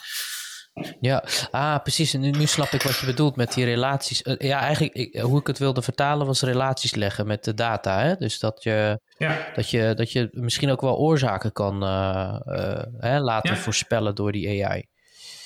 Ja, ja Ah, precies. oké. Ja. Wel gaaf, man. Het is een van, de, een, een van de eerste dingen waar je AI voor gebruikt is natuurlijk voor eh, die klassieke cases waar er te veel parameters zijn voor mensen. Uh, bloedanalyse en zo, weet je wel. Gewoon, een mens kan gewoon niet met goed fatsoen naar duizend waarden kijken een hele dag lang. Dat, daar zijn we gewoon niet voor gemaakt. Nee. En voor een AI is het een lachertje natuurlijk. Ja, ik, ik wilde het net zeggen, zeg maar, want je zei net over die nieren. Uh, tenminste, mijn uh, vraag. Goed, dat is een beetje zo'n dubbel iets. Want ik, bedoel, ik, ben, ik, ik vind privacy belangrijk. Ik ben niet helemaal van uh, alles heel, heel strikt en zo, maar ik, Mhm. ik hecht er wel belang aan. Maar tegelijkertijd vind ik het ook, want dat is ook binnen in een ziekenhuis was het, ja, dat is nu inmiddels wel verbeterd hoor. Maar dan, dat, dan uh, dat ik van, van de ene arts naar de andere arts binnen een ziekenhuis ook nog eens iedere keer mee moet, uit moet leggen van oké, okay, dit zijn de medicijnen die ik slik, Ja. dit zijn de behandelingen. Ja. En dat is inmiddels wel verbeterd gelukkig. Maar daarbuiten, zeg maar, dus ook via je huisarts worden sommige dingen worden wel uitgewisseld, sommige dingen niet. Dus aan één kant heb je zoiets van oké, okay, hey, zorg dat je juist wel alle, dat alle specialisten bij al die gegevens kunnen, dat zij dan samen, zeg maar, ja, een verband Ja. zien. En in, in wat je dus net ook zei, dat een bot daarbij kan, dat, zij, dat die bot dan uh, ja, een analyse kan doen. Maar goed, dan zit je met privacy. Ja, en uh, als patiënt, zeg maar, als degene van hé, hey, ik, het is, nou ja, goed, even worst case, het is leven of dood, heb je zoveel, uh, fuck die privacy. Want als ik dood ben, heb ik toch niks aan privacy. Dus dan Ja. knoop, knoop alles maar aan elkaar. Het maakt me allemaal niet uit uh, als je maar een betere behandeling voor me vindt. Dus, dus, dus, Ja. dus dat is ook wel, ja, is misschien een extreme, maar ja, dat, Ja, wat ik die, ja? die bedrijven zie proberen die hier instappen, is dat ze zelf de, uh, de, het product wat ze aanbieden, zoals Google Health dat ook deed, is dat zij jouw database zijn. En dan vragen zij aan iedereen toestemming om jouw data te aggregeren. Uh, en dan kun je bij doktoren kunnen bij jou dan ook het ophalen. En dan hadden ze volgens mij, was de Google Health had dat ook. Voor inderdaad het geval dat het levensgevaar is, kun je dan instellen van if levensgevaar, then uh, geven access aan, uh, weet ik veel, dit level artsen of traumachirurgen of weet ik veel wat, zeg maar. Dat toevallig, mijn zus is traumachirurg en die heeft dus heel vaak dat ze gewoon, ja, komt iemand binnen, geen idee wat voor medicijn is slikt, maar ja, zijn been valt eraf. Dus laten, we, laten we een geven, weet je.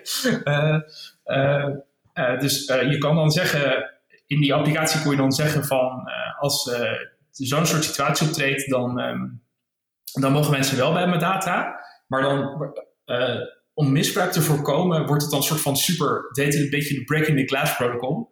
Dan zag je daarna dat het glas gebroken was. Dus dan, snap je, dus dan zag je wie precies access had gedaan, uh, had gekregen en waarom. En, en het idee was dan dat er dan ook uh, repercussies zouden zijn als dat uh, niet geoorloofd was. En dat gebruikt ze ook in sommige ziekenhuizen, zo'n soort protocol voor. ja, want het was een ziekenhuis, volgens mij was dat in Den Haag, waar allerlei. Als er dan een BN'er was, dan gingen al die. Oh, ja verpleegkundige ja. uh, dat checken. Ja. En toen hebben ze op een gegeven moment, Klopt. ik kan me zo'n verhaal herinneren, ja. ik weet het niet meer, maar ja. uh, dat, dat zo'n soort protocol had ik ingesteld ook. Van, nou ja, je hebt gekeken naar de files van uh, weet ik veel, andere hazes. En, ja, ja, ik snap hem, ja. Nee, dat, dat is wel sowieso. Maar dat, dat is sowieso in. Uh, als ik nu nog één keer sowieso zeg. Maar in de AI-wereld is dat wel een discussie, zeg maar. Over, over en big data. Van hé, hey, wat gebeurt er nou met mijn data en zo. En ik ben. Ik vind privacy, zoals ik al zei, privacy vind ik heel belangrijk. Maar, maar, maar er is ergens. Je kunt niet perfecte privacy hebben. Dat geloof ik niet. Maar ik geloof ook niet dat je alles helemaal aan iedereen uh, moet kunnen laten zien. Dus er zit ergens een, een, een balans in. En er mag ook best wel een discussie zijn. Zo oké, hoe kunnen we het dan wel acceptabel maken met, met de juiste tooling, met de juiste regeltjes. En dat is volgens mij echt wel uh, haalbaar. Alleen soms lijkt die discussie heel erg, het is alles, alles of niets. Dat is bijvoorbeeld net dat uh, uh, elektronische patiëntendossier. Wat dan landelijk, en dat is, kijk, dat is sowieso ambitieus, niet zozeer vanwege privacy, maar dan, ja, de Nederlandse overheid, die is daar sowieso... Nederlandse IT-project dat, dat gaat dus gewoon niet. Zowel binnen ziekenhuizen is dat, nog wel, is dat gelukkig nu inmiddels wel zo. Dat, dat, is, dat werkt, zeg maar. Dus je hebt al een aantal uh, ziekenhuizen, of ik, misschien wel allemaal, die hebben dat inmiddels wel. Dus dat, dat en, en dan is dan de afweging van ja, wat mag dan wel, wat niet. Dus en ik vind die discussie moet gewoon gevoerd blijven worden, zodat je daar wel, zeker in de zorg, dat je de mensen ja, gewoon wel beter kunt helpen. Zonder dat je echt enorm grove schendingen, schendingen van privacy uh, doet. Ja. Ja, en AI is natuurlijk ook, al die AI, AI is eigenlijk gewoon uh, aapje trucje leren. Je laat het duizend voorbeelden zien en hopelijk kan die daarna zelf. Uiteindelijk komt het daarop neer. Dus je hebt heel veel data nodig. De, het probleem is dat je dus die data allemaal aggregeert en dat moet je natuurlijk anonimiseren. Uh, dus je krijgt dan een discussie over, wij voldoen natuurlijk aan GDPR bijvoorbeeld, maar ook aan, we zijn ook een officieel erkend een mooie stempel ergens liggen dat we een medisch softwarebedrijf zijn. Dus dan moet je aan allerlei kwaliteitseisen voldoen. Onder andere voor data, maar met name voor softwareontwikkeling en testen en kwaliteit. Um, en uh, de joke is dat de meeste bedrijven, die kunnen dan gewoon, nou, ik heb een foto van een long. Er staan allerlei metadata staat erbij. Naam van de patiënt, naam van de arts, type apparaat, yada yada. Nou, dan uh, gooien we gewoon al die metadata in de prullenbak. Hebben we de scan geanonimiseerd. Uh, maar ja, een gebit, zoals je misschien ja. weet als je ooit een detective hebt yes. gekeken. Ja, die kan je, kan je hè, dus identificeerbaar aan een natuurlijk persoon op een gegeven moment. Ja, ja. Wat nergens verslaat, want je long is net zo uniek als je gebit. Alleen ooit hebben we besloten dat, dat een gebit is makkelijker te... Nou, een gebit overleeft een brand, volgens mij is het daarom. Maar... Um, uh, dus dat was nog een extra hindernis waar wij tegenaan liepen. Maar, um, en toen kwam ik er dus ook achter in een van de vele dingen die je dan lekker op je bord geschoven krijgt, uh, toen ik hiermee moest dealen, dat er geen uh, lekker. Al die wetten hieromheen zijn ook super grijs en vaag. Weet je wel? Dus het is nergens dat je even kan lezen van.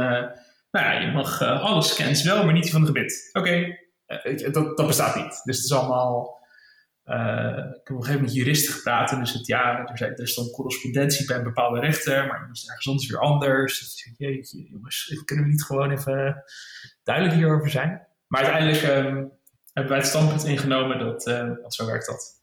Uh, wat de meeste medical AI-bedrijven doen, dat je als je van ons een foto hebt, stel ik heb een foto van jouw gebit, um, en er komt een boef en die breekt in de, in de, in de data lake. Um, dan om, om te weten dat het jouw gebit is, zou hij zeg maar alle foto's af moeten gaan die wij hebben. en ze hem één voor één moeten matchen. En dat is ondoenlijk. En daardoor is het goed genoeg geanonimiseerd. Ja, dus als ik het goed heb begrepen, hè, dat is even een dubbelcheck die ik doe. Uh, want ik neem aan dat jullie natuurlijk gewoon cloud uh, solutions gebruiken om de data op te slaan. Even, ja, even zeker. Sorry hoor, Ja, ja, ja. zo hip zijn jullie wel, denk ik. Ehm, maar ehm, ik neem aan dat jullie daar dan uh, inderdaad anonimisatie toepassen dan, hè? Om, Zeker, om, om te voorkomen dat je dan in die AVG privacyrechten hel komt. Uh, ja. En, en, en slaan jullie dan de data in, uh, oh jee, misschien is het toch wel een gevoelig onderwerp, maar dan moet je me even zeggen. Uh, slaan jullie de data dan in, in Europa op of in, in de VS? Nee, in Europa. In Europa. Ja, ja. Wij vallen onder de. Wij zijn niet Amerika gereguleerd, we zijn 100% Europees gereguleerd. Ja. Voor Amerika hebben we weer andere stempels nodig. maar dan heb je ook nog weer een verschil tussen de data die je opslaat en de. Bijvoorbeeld, wij werken ook met een, we hebben een Amerikaanse klant. Um, en hun data deleten we zodra we het geprocessed hebben. Ja. Oh, okay. uh, gewoon omdat ik geen tijd had om al die meuk uit te zoeken ja, voor Amerika. Zo, nou, shortcut, ja. uh, weet je wat, we processen het. Ja. Dat betekent een agreement dat wij het niet opslaan. Dus zodra zij, zij up, uh, we hebben een heel simpel product, je uploadt een file naar een API, wij processen het. Daarna kun je het bij ons weer downloaden. Nou, zodra ze het bij ons gedownload hebben, dan evicten we het gewoon van alle servers. En garanderen we dat het dan ook niet in log zit en in allerlei andere zaken, zeg maar. Ja, ja dat wordt wel eens vergeten, En- inderdaad. Dat is wel slim. Ja, het zit verrassend veel in logs altijd. Ja, precies. Ja. Ja. Eh, maar als wij dingen, als wij, als wij, wat- wij zijn, wij willen gewoon eh, zeg maar ethisch een hele goede partij zijn. Dus als wij data opslaan voor langere termijn, dan willen we wel dat er een data processing agreement is volgens GDPR. Dus dat we, dan, dan zeggen we tegen onze supplier van hey, je moet wel zorgen dat de data eh, met akkoord is vergaard en dan slaan we dat dan op, zeg maar. Ja. Dus dat is bijvoorbeeld een dataset van een universiteit, weet je wel. Daar hebben mensen gewoon meegedaan aan een studie, Ja. eh, et cetera. Oké. Maar ja, het is wel lastig om aan die data te komen. Ja, nee, begrijp ik, ja.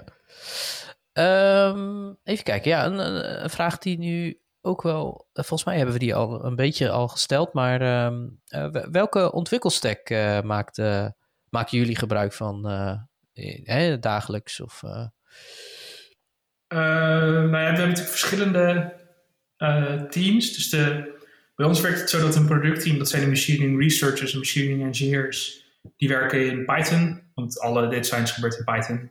Ehm, en we gebruikten eerst TensorFlow, maar we zijn aan het migreren naar Torch. Ehm, dat is eh, zeg maar van Angular 1 naar React gaan voor de mensen die niet in de AI zitten. Oké, Ehm, en eh, again, eh, grappig genoeg ook TensorFlow van Google en Ja. de Torch van Facebook. Oh, precies, Dus, ja. Voor mij was het één grote nostalgie, zeg maar. Ja, oh, grappig. dat dat gebeurde. Ja. Eh, en er zullen nu ongetwijfeld ook mensen in de comments eh groepies zijn, want er is, net als bij Angular, ook een TensorFlow 2 die zoveel beter is, maar iedereen Oh, gaat gewoon ja. Torch. Dus het, is echt, het is echt een copy-paste Gra- grappig. Ehm, ja, dus dat gebeurt allemaal in Python. En eh, dan heb je het tooling team. Die maakt eh, onze annotatietool. Want toen wij aan deze Endeavor begonnen, was er natuurlijk nog geen annotatietool. Dus die moesten we ook nog zelf schrijven. Dus we hebben een tool geschreven waarin je dus al die plaatjes kan inkleuren eh, in een browser. En die draait, eh nou, artsen over heel de wereld zijn daarin aan het werk. Dus het is gewoon een, eigenlijk een volledig softwareproduct. Ja. Ehm, en we hebben een data lake, want er bestond er ook niet voor medical imaging. Want medical imaging, als je met 3D data, 3D data en al die slices werkt, bestaat ook niet.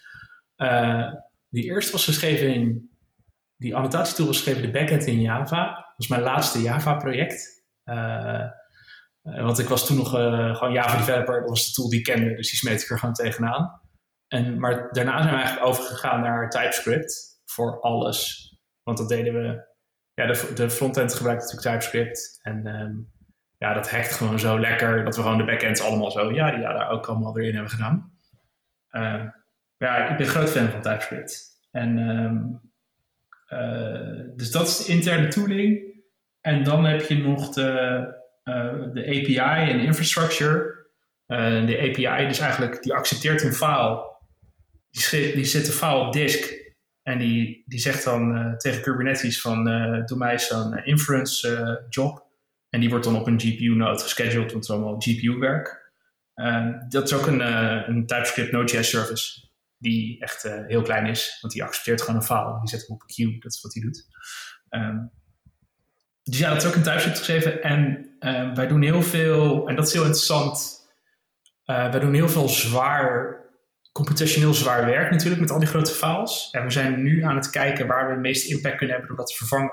Zowel Python als Node.js zijn natuurlijk geen hele snelle talen. Uh, als ze niet async, zeg maar, sommige, sommige aspecten zijn geoptimaliseerd. In Python is eigenlijk, alles wat je met data science doet, is eigenlijk C-code die met een Python wrapper aanspreekt. En in Node.js is natuurlijk ook heel veel C-code gedaan onderliggend. Um, maar bijvoorbeeld dingen zoals filesparse en zo, dat doe je dan eigenlijk in Node of in Python. En daar konden wij nog een hoop winst boeken, met name in de browser. Want je kan je voorstellen hoe leuk je browser het vindt. Die gewend is zeg maar een paginaatje van 20 MB te openen. Als wij dan ineens een file van 600 megabytes in memory instauen. Dan, uh, dan gaat die garbage collector helemaal, helemaal over zijn zuiger. Um, dus we zijn voor dat soort dingen zijn we nu Rust aan het deployen. Dus we gebruiken Rust via WebAssembly in de frontend. Um, voor de heavy lifting. En we gebruiken, we, gaan, we zijn steeds meer Rust aan het gebruiken voor bijvoorbeeld het converten van files uh, en zo in de backend. En uh, ik ben helemaal verliefd op Rust. Ik vind het echt een fantastische taal. Uh, en uh, ja, dus daar ben ik heel excited over dat we dat uh, nu eindelijk gaan deployen. Gaaf. Dat is, dat, volgens mij hebben wij de, we hebben het echt iedere keer zijpelt de rust, zeg maar, in onze podcast. ja, ja, ja. We, we hebben, It's coming for ja, you. precies. we, hebben nog, we hebben nog geen aflevering, toch niet, nee, nog niet volgens mij met een rust developer. Dus dat, dat willen we nog wel een keer gaan doen. Ja. Ja, en ik, ja goed, dat, was, dat, nou, dat heb, heb, ik misschien wel vaker gezegd. En dat is misschien voor jou, ja, voor jou wel haalbaar. Vroeger kon, zei ik nog wel eens van, oké, ik wil ieder jaar wel een andere taal leren. Nou, dat lukt mij gewoon al heel lang mm -hmm. niet meer. Heb ik opgegeven. Mm -hmm. uh, maar Rust is dan eens van, ja, Rust, Elixir, uh, Go. Een aantal mm -hmm. van dat soort talen, zeg maar, die, die ja, dat, dat neig je naar van, oké, die wil ik eens een keer oppakken. Nou, daar ben ik gewoon niet naartoe gekomen. Maar ja, Rust hoor ik wel heel positief. Het is van ja. andere talen ook, maar het is opvallend hoe positief mensen zijn over rust. Nou weet ik dus niet of dat nou ja. een soort van uh, secteachtig is. Secte, secteachtig iets is. Ja. Nou, laten we, laten we toegeven dat alle programmeertalen gewoon secten zijn. Ja, dat is waar. Ja, ja. maar het is echt heel, heel positief. Ja, ik weet niet. Mensen zijn er positief over. Dus dat, dat is wel, uh, wel weer grappig. Ja. Ja, dat was voor mij ook wel heel herkenbaar. Want ik heb ook wel Go geleerd ja. en naar Elixir gekeken en Rust geleerd. Ja. Uh, maar Rust is wel echt een hele andere experience. Ja. En dan bedoel je mee de, de performance of uh, de manier waarop je kan programmeren? Wat, uh, wat, is, wat betekent het voor jou? Um, nou kijk, uh, Elixir heb ik heel weinig gedaan, maar bijvoorbeeld Go is... Een design goal van Go is dat het heel simpel is. Ja. Dat je het eigenlijk gewoon in de middag kan leren. Als je een Java-programmeur bent of je hebt een C of whatever. By the end of the week ben je gewoon Go microservices aan het schrijven. Ja. Het is ook dat is het voordeel van Go, maar ook uh, dat maakt het natuurlijk ook een hele beperkte taal. Wat again de design goal was, dus dat is niet dat, dat is een keuze en niet per se een nadeel. Ja. Um, Rust is heel complex, maar biedt je onwaarschijnlijk veel vrijheid. Uh, dus je kan ze, ze, hebben zoveel problemen die andere programmeertalen op zo'n elegante manier opgelost, dat je het zeg maar gebruikt en dan denkt, wow, Waarom heeft niet elke programmeertaal dit? Hoezo? Waarom zit ik nog te prutsen in JavaScript met dit en dat, terwijl het gewoon al opgelost is? Uh, dus Rust heeft gewoon eigenlijk een beetje gewoon gekeken naar de best of, uh, ook heel erg veel van Elixir volgens mij, Mhm. uh, en dat gewoon allemaal geïmplementeerd. En het is echt, eh, ja, ik, ik, ik zeg tegen iedereen, je moet eigenlijk, als je één programmeertaal erbij wil leren, moet je eigenlijk Rust leren, omdat het je gewoon een betere programmeur maakt. Oké. Je snapt talen beter, je gaat beter met memory management om. Je snapt beter wat er eigenlijk in de meeste talen verstopt wordt voor je. Maar dan niet op de C++ manier waarop het, waarin het heel Ja, precies. Ja, ja. uh, moeilijk en ongezellig is. Um, uh, Rust is gewoon een hele ja, elegante taal. Maar het kost wel echt veel tijd om het, uh, om het onder de knie te krijgen. Ja, okay. ja. Ja. ja, want het is de, de, de, de, de, re, of weet dat, de toepasbaarheid is echt wel opvallend groot. Hoe zeg je Want ja, er zijn heel veel mensen verliefd op. Ja. Dus wordt Ja, nee, maar, het gaat nu... Nee, nee, maar goed, wat, ik bedoel met toepasbaarheid is zeg maar net... Ja, goed, jij, je hebt het over Java, ik doe .NET en C-Sharp. Dus dat, die, die, je, je gaat geen eh, operating system schrijven in eh, C-Sharp of Java, tenminste. We hebben, we hebben mensen vast geprobeerd, maar meestal doe je dat niet. Dus de systeemsoftware schrijf je dus niet in dat soort talen met garbage collection. Terwijl Rust kun je dus, want sterker nog, Linus Torvalds heeft nu, je vindt het inmiddels interessant dat er ook uh, Rust geschreven gaat worden in een Linux kernel. Ja, ja mooi hè? Precies, dus dat is al een, een, een ding van wow. Uh, en, en, het, en het wordt gewoon, het is eigenlijk gewoon gelijkgesteld aan, aan C, C++. Zeg maar. Dus op dat niveau uh, wat, wat C, C, C++ kan, kun je met rust ook. Maar tegelijkertijd kun je ook gewoon zeggen, nou weet je wat, ik ga gewoon een website maken.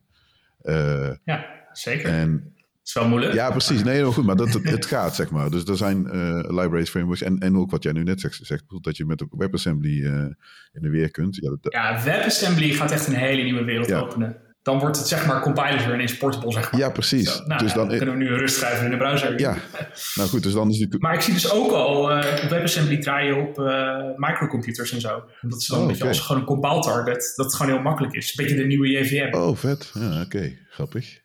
Ja, dat had ik, die, die had ik nog niet meegekregen, nee. Maar goed, dus die toepasbaarheid. Dus het, kan, het kan heel veel. En wat jij dus zegt, van, het is heel flexibel en complex. Dus ja, dat, dat, is wel, dat is wel zo. Maar je kunt er wel heel veel mee doen. Dus dat is wel, uh, ja. heel gaaf. Ja, ja bijvoorbeeld dat, dat je thread safety, dat je gewoon... Uh, je, hebt, je hebt thread safety en uh, immutability guarantees. En dat je... Ik heb heel veel parallel distributed programming gedaan in Java. En dan, nou, dan moest je een soort ninja-opleiding eerst voor. Moest je dat boeken Concurrency in Practice, uh, hoe heet die? Van de Joshua. Nou goed, die, die moest je gelezen hebben. En dan uh, heel veel mediteren en uh, heel veel fouten maken. En dan kon je op een gegeven moment kon je dan parallel programming. En dan was het ook zo step aside. en weet je wel, dan ging je mensen helpen met iets multithreaded doen in Java. En in, in Rust doet de compiler zegt gewoon, nope, doen we niet. Als je een fout maakt, uh, nope. Dat is in het begin heel frustrerend, want je snapt niet wat je verkeerd doet. Maar uh, ja, het is bizar dat dat gewoon kan. Ja.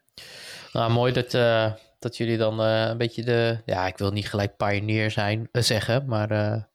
ja, jullie zijn er wel natuurlijk mee aan het experimenteren of je daar echt ja, de wereld beter kan maken met software. Dus, dus dat is wel leuk om te horen inderdaad. Elke keer dat dat terugkomt bij... we hadden het ook al een keer bij die crypto trading platform ook al een ja, keer ook, gehoord. Ja. Ehm, ik heb ook een keer een fout grapje gemaakt, een tijdje terug daarover, dat iedereen er rustig van wordt.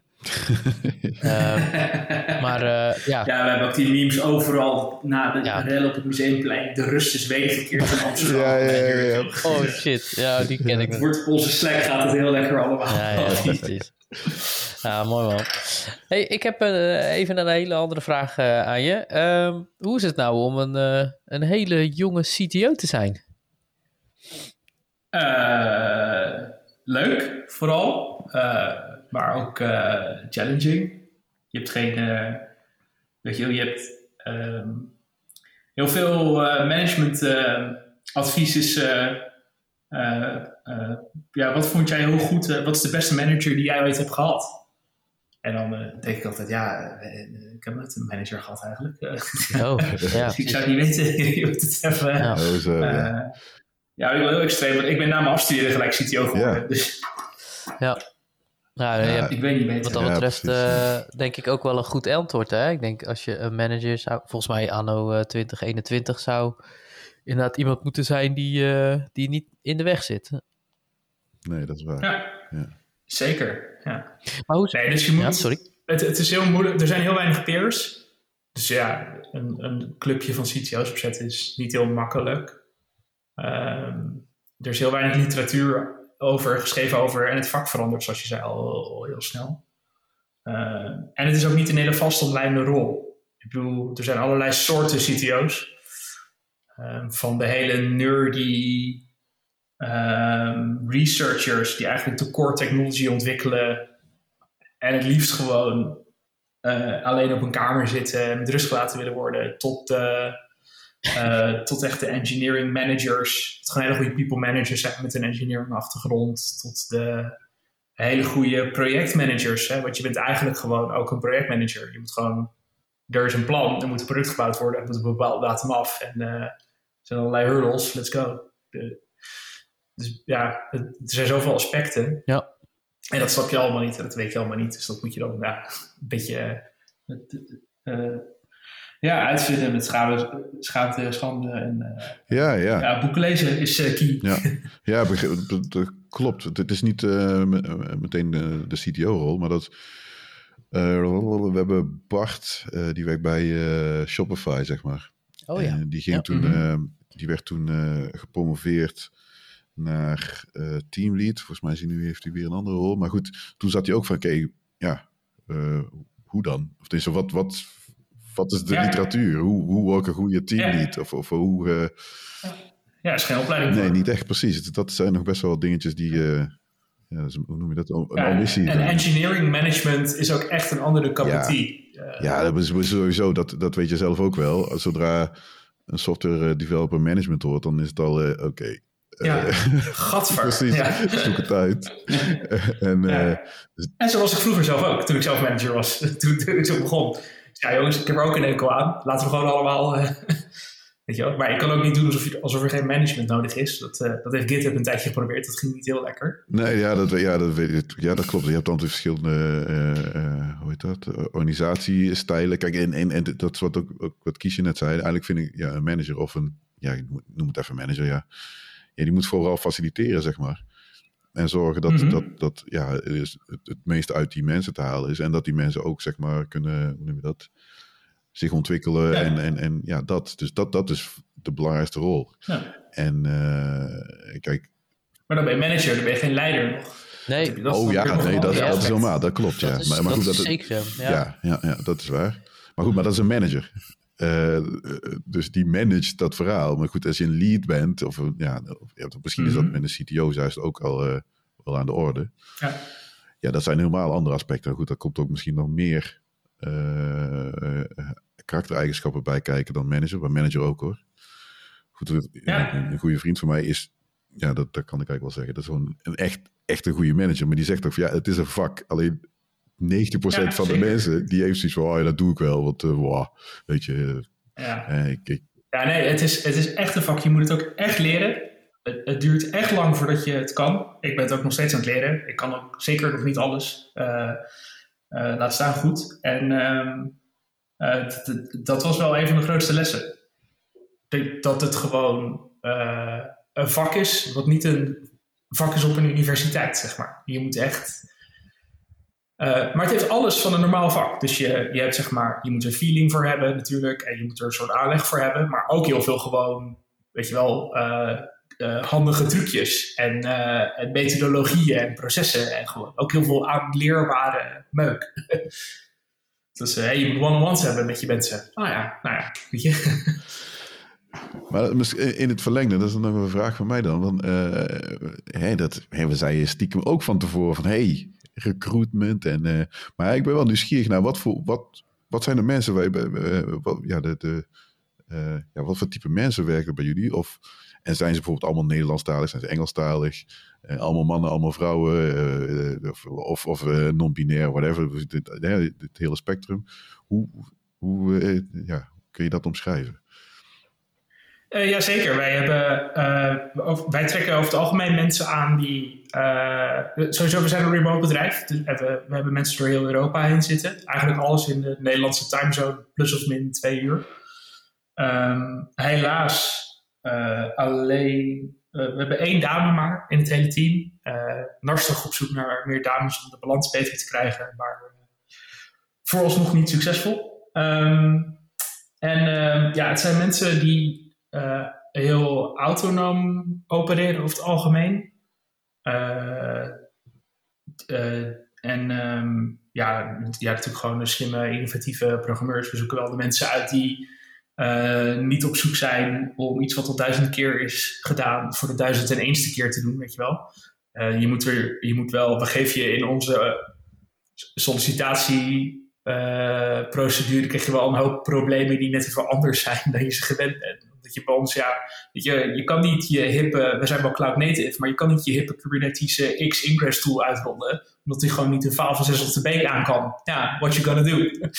Eh, eh, dus ja, dat soort mensen die een beetje beetje zo zijn van, oh ja, oké, nou dan, dan gaan we zelf gewoon wat hacken. Of dan, weet je, dan, dan passen we het op deze manier toe. Weet je, dat soort mensen zitten er bij ons. Ja, precies. Ja, oké, cool. En, en all remote, joh, dat is ook wel een... ja, wat is dat? tegenwoordig is het gewoon een nieuwe normaal, lijkt het wel. wat, is jou, wat, is jouw beeld, wat is jouw beeld erbij? nou, ik ben een groot voorstander van remote werken. En Promaton is opgericht als een remote bedrijf. Ehm, wij dachten al snel van ja, we gaan echt een heel moeilijk probleem oplossen. En uh, de Nederlandse talentpool uh, is niet uh, zo groot. En we competen dan met Uber en Google Brain was hier net begonnen met hun AI-toko. Nou, ja. dus het was vanuit een, vanuit een hiring for talent idee, maar ook vanuit, ik denk dat remote werken oprecht ook gewoon voor veel mensen veel fijner is dan niet remote werken. Niet voor iedereen, maar voor ja. een groot deel van de engineers dat het wel echt heel fijn is. Um, en um, ja, om, om, die reden zijn we dat gaan doen. En ja, het bevalt supergoed.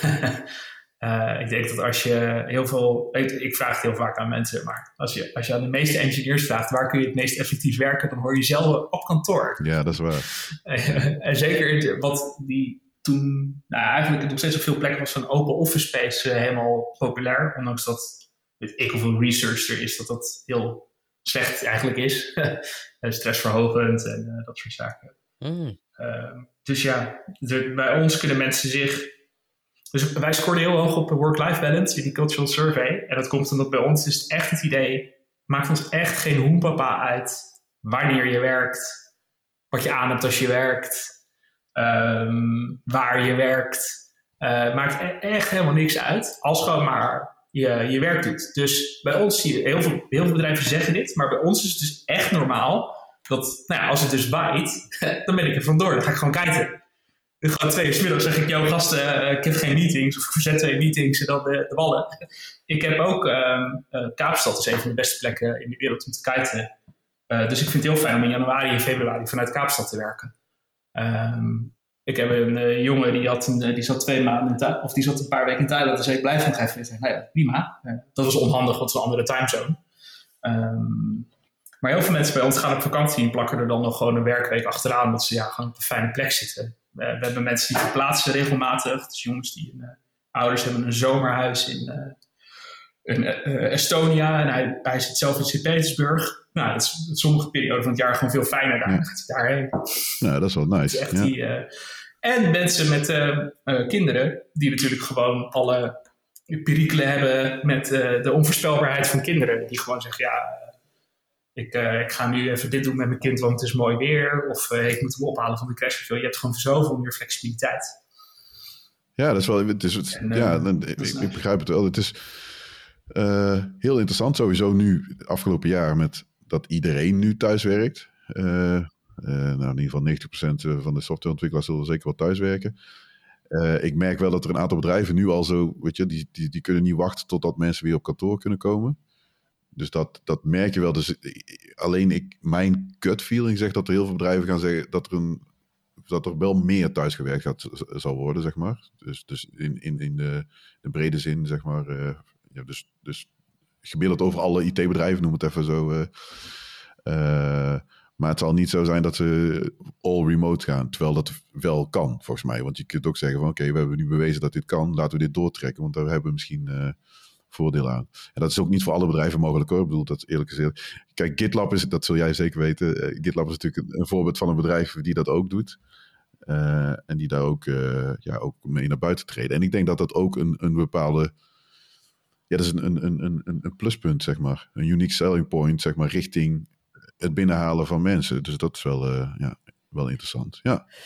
Ik, Alex, um, is er ook niemand die bij jullie in de groep misschien toch uh, geroepen had van... ja, ik mis toch eigenlijk wel de, de koffiepraat... oh ja. Of de pingpong Ja, ja, zeker. natuurlijk. er, zijn, kijk, er zijn een paar dingen die je anders moet doen in een remote bedrijf... als je succes wil maken voor je mensen. Je kan niet gewoon allemaal thuis gaan zitten en dan zo, tada, remote bedrijf. dat is wat veel bedrijven afgelopen jaar hebben geprobeerd. En dat was niet prettig uh, voor heel veel mensen. Uh, even nog los van dat je ineens allemaal kinderen thuis had omdat ze niet naar opvang konden. Daar, daar hadden wij, zeg maar, toen iedereen remote moest gaan werken, zaten wij te grinniken. En daarna zaten we met afschuw te kijken hoe bedrijven dat aanpakten. Ehm, maar ook wij werden geraakt door het feit eigenlijk dat er gewoon kinderen ineens door alle conference calls heen renden. Dat was onhandig. Um, maar goed, er zijn, een paar dingen. Dus ten eerste moet je een goede werkruimte thuis hebben. Obvious. Uh, heel de dag aan je keukentafel werken is niet zo goed voor je. Uh, voor zowel je houding niet als het verschil tussen, als die grens hebben tussen work en life. Uh, dus we stimuleren mensen heel erg dat ze op een manier zorgen dat ze daar een balans in hebben. Voor sommige mensen is dat met je rug naar de woonkamer gaan zitten, terwijl het voor anderen echt is naar een coworkspace gaan. Um, maar we, we moedigen iedereen aan om wel te zorgen dat je tussen aanhalingstekens de deur dicht kan doen achter je. Um, een ander is dat het grappig genoeg, uh, en GitLab schrijft hier ook heel goed over, dat is zeker niet door ons verzonnen. Alle mensen hebben behoefte aan contact en die, die slappe koffiepraat en de, de waterboiler, de watercooler humor, zeg maar. Maar dat hoeft echt niet van je collega's te komen. Dat is een soort, dat hebben we dan verzonnen dat dat moet. Maar je kan bijvoorbeeld onze collega, ik heb één collega in Bilbao, dat is Noord, uh, Noordwest-Spanje, die zit gewoon in de coworkspace. Die heeft een toptijd met, ze, met de mensen daar. Daar kan hij gewoon een beetje mee grappen en rollen. Die hebben ook events en weet je wel. En anderen zitten in de coworkspace in Rusland en die, die hebben ook gewoon, ja, die zitten gewoon onder de mensen. En voor de mensen. En in Amsterdam hebben wij dan, omdat we zoveel mensen in Amsterdam hebben, hebben wij wel een office in Amsterdam, maar die wordt gebruikt als coworkspace eigenlijk. Dus er staan gewoon een paar desks en een paar schermen. En de mensen die dat fijn vinden, die gaan daar zitten. En dan zijn er ook andere mensen. Maar die kunnen net zo goed in de Starbucks gaan zitten. Want we maken het wel zo dat je niet dat probleem hebt. Zeg maar, remote gaat heel slecht op het moment dat een deel van de mensen remote is. Dan, dan wordt het heel naar. Uh, of je moet heel veel investeren in hele dure hardware. Om je, zeg maar, je hele uh, je hele vergaderkamer in beeld te kunnen krijgen. Een hele goede microfoon die het midden is. Maar dan nog zul je merken dat de mensen die remote zijn eerder buitengesloten worden. Um, en ja, uh, dus, dus wij proberen er wel echt voor te zorgen dat het een coworkspace blijft, ons kantoor. En niet een, zeg maar, de center of gravity wordt. Uh, en, en, en, uiteindelijk, en dat weten ook veel mensen niet uh, van remote bedrijven, is dat voor een vertrouwensband moet je elkaar gewoon gezien hebben en iets leuks met elkaar doen, basically. Dus alle remote bedrijven die ik in ieder geval ken, die vliegen ook iedereen drie tot vier keer per jaar in naar één locatie om met z'n allen iets te doen. sommige bedrijven gaan dan echt alleen maar lol trappen. Dat doen wij. We zijn gaan uh, surfen in uh, Fuerteventura en uh, skiën in de Alpen. En zodra het mag gaan we bij, bij een collega in Griekenland zeilen. En we hebben in, Nederland op zo'n scootje een heel weekend gezeld en zo. Dus wij doen alleen maar leuke dingen als we iedereen in vliegen. Maar er zijn ook bedrijven die dan juist hele serieuze hackathons en brainstorms en weet je wel wat voor uh, verdieping doen. Uh, maar je hebt wel nodig dat je weet wie daar aan de andere kant van de camera zit, zeg maar. En ja, en een andere policy die wij ook overwegen voor dit jaar, nu we groeien, want met een klein team was het heel erg goed te managen. Gewoon, joh, kan iedereen over twee weken dinsdag, nou is goed, vliegen iedereen over twee weken dinsdag in, Nu, nu wordt het wat moeilijker om te coördineren. Maar we overwegen nu bijvoorbeeld een budget dat iedereen, want wij geven geen geld uit aan office hè, of aan lunch. Dus we hebben best wel geld voor dit soort dingen. Dat je gewoon twee keer per jaar naar een collega mag vliegen, no questions asked. Gewoon, nou, als jij een weekje wil gaan hacken met Dimitri in Griekenland, Dimitri gaat dan vaak uh, aan het eind van de middag als mooi weer is, gaat hij nog even spearfishen. Nou, dan kun je een beetje hacken s ochtends en dan smiddags ga je even samen spearfishen. S'avonds even je eigen octopusje eten. En dan na een paar dagen kom je weer terug in Nederland. Ja, waarom niet? Ja, dat is, uh, dus, ja, dat is een mooie Dat soort dingen moet je wel, dat soort dingen moet je wel faciliteren, zeg Ja, ja dat klinkt goed. Ja, ik, ik, hè, we zitten nu eigenlijk al uh, best wel lang uh, hè, te kletsen over uh, oh, het leek, ja, over... maar vijf minuten. Ja, inderdaad. Hè? Uh, ja, maar uh, weet je, dat is gewoon heel interessant. Hè? Het is heel boeiend. En ik denk dat je ook nu één ding al geroepen, misschien wel meerdere dingen hebt genoemd die goed werken bij softwareontwikkeling, hè, bij jullie in ieder geval. Um, maar heb je ook een, um, een ja, een, iets wat wat misschien voor altijd weg zou moeten gaan hè, binnen softwareontwikkeling. Iets, iets wat misschien wat minder goed werkt, waarvan jij zegt van nou, dat moeten we nooit meer doen. nou ja, nu, nu, we het hierover hebben, is het eerste wat in me opkomt gelijk synchroon werken. Dus zeg maar, als je remote werkt, dan wordt heel veel gepraat over de asynchrone werkdag en over alles asynchroon doen. En ik merk wel dat voor bijna alle engineers waar ik ooit mee gewerkt heb, uh, misschien is dat het type mensen programmeert of zo, maar over het algemeen kunnen we beter nadenken als we niet in een meeting zitten. Dus je kan het beste dingen, je kan het beste een voorstel lezen en dan reageren, dan in een meeting proberen iets voor te stellen, te discussiëren. Want uiteindelijk ga je dan altijd met het eerste onderwerp wat besproken wordt, ga je mee, zeg maar. Weet je wel, en nou. Dus als je, als je een goed besluitvormingsproces wil, of als je de beste ideeën naar boven wil, wat ook voor innovatie heel belangrijk is, maar voor alle andere dingen, dan is het over het algemeen asynchrone communicatie voor uh, de kwaliteit van de besluitvorming heel goed. En wij werken natuurlijk met heel veel introverte mensen.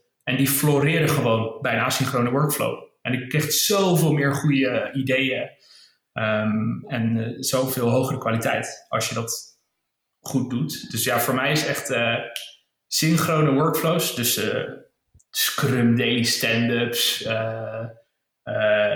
Nou, sprint meeting snap ik nog wel, want dat is echt, zo'n, echt even zo'n in het moment coördinatiepunt. Maar een, met z'n allen gaan nadenken over planning poker of zo, weet je wel? Dat je, oh ja. Uh, ja. Uh, blocking met z'n allen zo naast te denken over hoe lang een feature duurt, dat soort dingen. Dat ik echt nou. Ja. Als, als, ik, uh, als ik dat zou mogen afschaffen, dan zou het afgeschaft worden. Ja, ja het zijn. Ik, ik, ja, ik, ben, ja ik, ik herken een aantal dingen, herken ik wel. Ik, ik, zit, ik, kan, ik durf niet te zeggen van, okay, dat die meetings niet goed kunnen gaan, want ik heb ze goed meegemaakt. Ik heb ze ook echt slecht meegemaakt. Maar het is ook echt, je, precies wat jij zegt, hoor, sommige mensen zijn introvert en uh, het moeilijke ook is, zeg maar, dat als er iemand, stel dat er een, uh, drie of vier introverte mensen in zitten en, en, en een paar wat ook dominant, zeg maar, zijn. ja, dan is dat wel, ja, dan is het eigenlijk gewoon, dan maak je gewoon niet gebruik, uh, genoeg gebruik van al de, de talenten van heel dat team. Dus dat is eigenlijk gewoon heel erg slecht. Heb je al die slimme koppen gehaald? Heb... Luister je alleen maar naar die dominanten? Ja, en dan één of twee of zo. En kijk, het liefste heb je wel iemand die misschien dominant en op een of andere manier heeft aangeleerd om te luisteren ook naar andere mensen. Dat je dat, kijk, dat, daar zijn wel eens van die, ja, dat je, ja, ook vergadervormen, waardoor je gezorgd dat iedereen wel, zeg maar, de mogelijkheid heeft om op, ja, wat tegenwoordig altijd genoemd wordt, op een veilige manier zijn mening, zijn of haar mening kan uiten. Zodat hij uh, niet meteen uh, bij wijze van spreken weggelachen wordt of, of niet serieus genomen wordt, want uh, je, bent niet, je bent niet goed genoeg of je weet ik veel wat. Weet je, dat, dat soort dingetjes. En dan begrijp ik best wel wat je zegt van oké, okay, dat asynchrone werkt beter uh, dan. Uh, dus dit, ja. Ja, en ook niet dat reageren, hè? Dat je, ja. weet je wel, dat je je bezwaard voelt dat jij niet gereageerd hebt als enige op een idee. Ja. Of juist uh, het idee dat omdat jij voor jezelf, dat je dan vindt dat je autoriteit hebt, ja. dat je dan moet reageren op een statement. Ja, ja. Dat valt allemaal weg in zo'n asynchrone. Ja, ja, dat klopt. Ja, dat, Ik, heb, ik heb dat één keer van iemand, ja, niet geleerd, maar die, die zei, dat heb ik wel eens gezegd, zeg maar, of ik gezegd, die, die zei van, uh, het maakt me niet uit. Dus we waren in een discussie of, of het ging over, we moesten richting uh, ja. oplossing A of B, even heel simpel gezegd. Ja. En dus ik vroeg aan haar van, oké, okay, maar wat vind jij ervan nou? Zij zei van, ja, het maakt mij niet uit wat je kiest, A of B. En ik zei, maar hoezo? En ik, ik interpreteerde dat als, ja. als, alsof ze niet betrokken was. ja, precies. Ja. En zij zei, zij, wat zij echt feitelijk bedoelde, en wat ze moet uitleggen, is van, het maakt me echt niet uit. Want A is goed genoeg en het maakt mij niet uit. En B is ook goed. Het, het, kies maar, zeg maar. Ze vertrouwden als het ware op mij gewoon dat ik de keuze links of rechts zou maken. En uh, dus dat soort dingetjes, ja, dat... Uh, ja, dat, dat hele in the moment uh, tribal ja, gedrag. Ja, ja. dus het is wel... Het, het, is moeilijk. Het is ook communicatie. Er zijn wel dingen die wij, tenminste ik... als softwareontwikkelaar niet veel heb geleerd. Die krijg je niet zomaar op school. Sommige scholen doen dat wel wat meer aan, hoor. Maar ja, dat, daar ja. kun je nog veel meer nee, halen. Ja. Dus, maar goed, het is wel een goede... Aan de andere kant voor uh, asynchrone communicatie vergt weer, heeft ook nadelen, heeft twee dingen. Eén is je moet vooruitdenken. Dat is voor sommige mensen lastig. Uh, de wat meer impulsievere mensen, zeg maar. Want ja, als je eerst een proposal moet schrijven uh, en, weet je, wel, en je moet daarna feedback, iemand bellen is altijd sneller. of als je een mail moet sturen met een voorstel of een waar je gewoon uitwerkt waarom jij denkt dat het een goed idee is, dat duurt toch wat langer. Het is wel beter, want vaak zit je te rubberducken uh, Dat kennen jullie vast wel. Zo, zo, Ja. tralala, ik denk dat dit. En dan twee typen denk je, oh, Ja. wait a minute. Nou, heb je weer je collega een kwartier bespaard. En, ehm, eh, en het andere is, je moet goed leren schrijven. Dus bij Promaton krijg je ook echt een training schrijven. Niet, niet expliciet, niet zo van eh, welkom, ga zitten in de klas, maar gewoon. eh, het schrijven is zo'n gênante power lever in de meeste bedrijven, maar bij ons al helemaal. eh, dat, eh, dat we daar heel veel aandacht aan besteden. Mensen daar beter in worden. Dus wat alles gaat bij ons via, wij noemen dat dan RFC's, dus Request for Comments, eigenlijk zoals de JavaScript taal wordt ontwikkeld, en Kubernetes en zo. Dus ja, als, je, als je iets groots wil veranderen, moet je gewoon een change proposal schrijven. Dat wordt gewoon gereviewd. En eh, ja, je bent zelf verantwoordelijk voor dat het geaccept wordt. eh, in het tijdsbestek wat jij ervoor neerlegt. ja, precies. Dan is het toch niet alleen maar eh, de inhoud, maar ook de vorm is gewoon super belangrijk daar. Hè? Hoe je dingen brengt. Zeker, ja. Van, hè, ik bedoel, ja ik, als, jij, als jij het opschrijft op een manier dat mensen niet verder komen dan vier zinnen, Ja. ja. ja, of, dan wordt het niet geaccepteerd. ja, of zodanig dat, eh, dat men echt denkt van, nou, die, eh, die heeft hier een enorme ego. Ja, ja. Eh, Ja, ik, be- ik, Ja. begrijp, ik, ik, ik volg het helemaal. Ik snap best wel, dat- weet je wel, die RFC, daar moet je gewoon even voor zitten. Je moet nadenken, bla. Die begrijp ik wel. Mijn, eh, en er zullen mensen die met mij gewerkt hebben, die zullen, ik praat veel sowieso. Dus, eh, Ik heb een podcast, dus ja, zat er dik in. ja, precies. Eh, Dan ben je maar gaan podcasten. Dus, Nee, eh, nee, oh, nee, maar goed, ik vind praten, praten is voor mij niet alleen eh, om het praten, zeg maar. Alleen, het, het is niet handig. E- Kijk, voor softwareontwikkeling moet je gewoon een tijdsblok, weet ik veel, eh, ja, je Pomodoro's of eh, weet ik veel, een halve dag of zo. Wil je gewoon bezig zijn met dat, ja, je creëert een model in je hoofd, je gaat bouwen en eh, je ontwikkelt iets en dan ben je even weer, stop je en dan ga je weer iets anders doen. Je wil niet gestoord worden. Bij mij is het, zeg maar, ik vind het heel fijn, zeg maar, om dingen te bespreken. Dus gewoon niet, niet zo se. Ik bedoel, natuurlijk opschrijven en er goed over nadenken en dan bespreken met iemand. Dat is natuurlijk ook handig. Maar om, om mijn denkwijze, zeg- het is mijn richting. Dus dan snap je. je het, het, het, het zou verrassend zijn als iemand met mij gewerkt heeft, dat hij achteraf niet begrijpt hoe ik tot zoiets zou komen.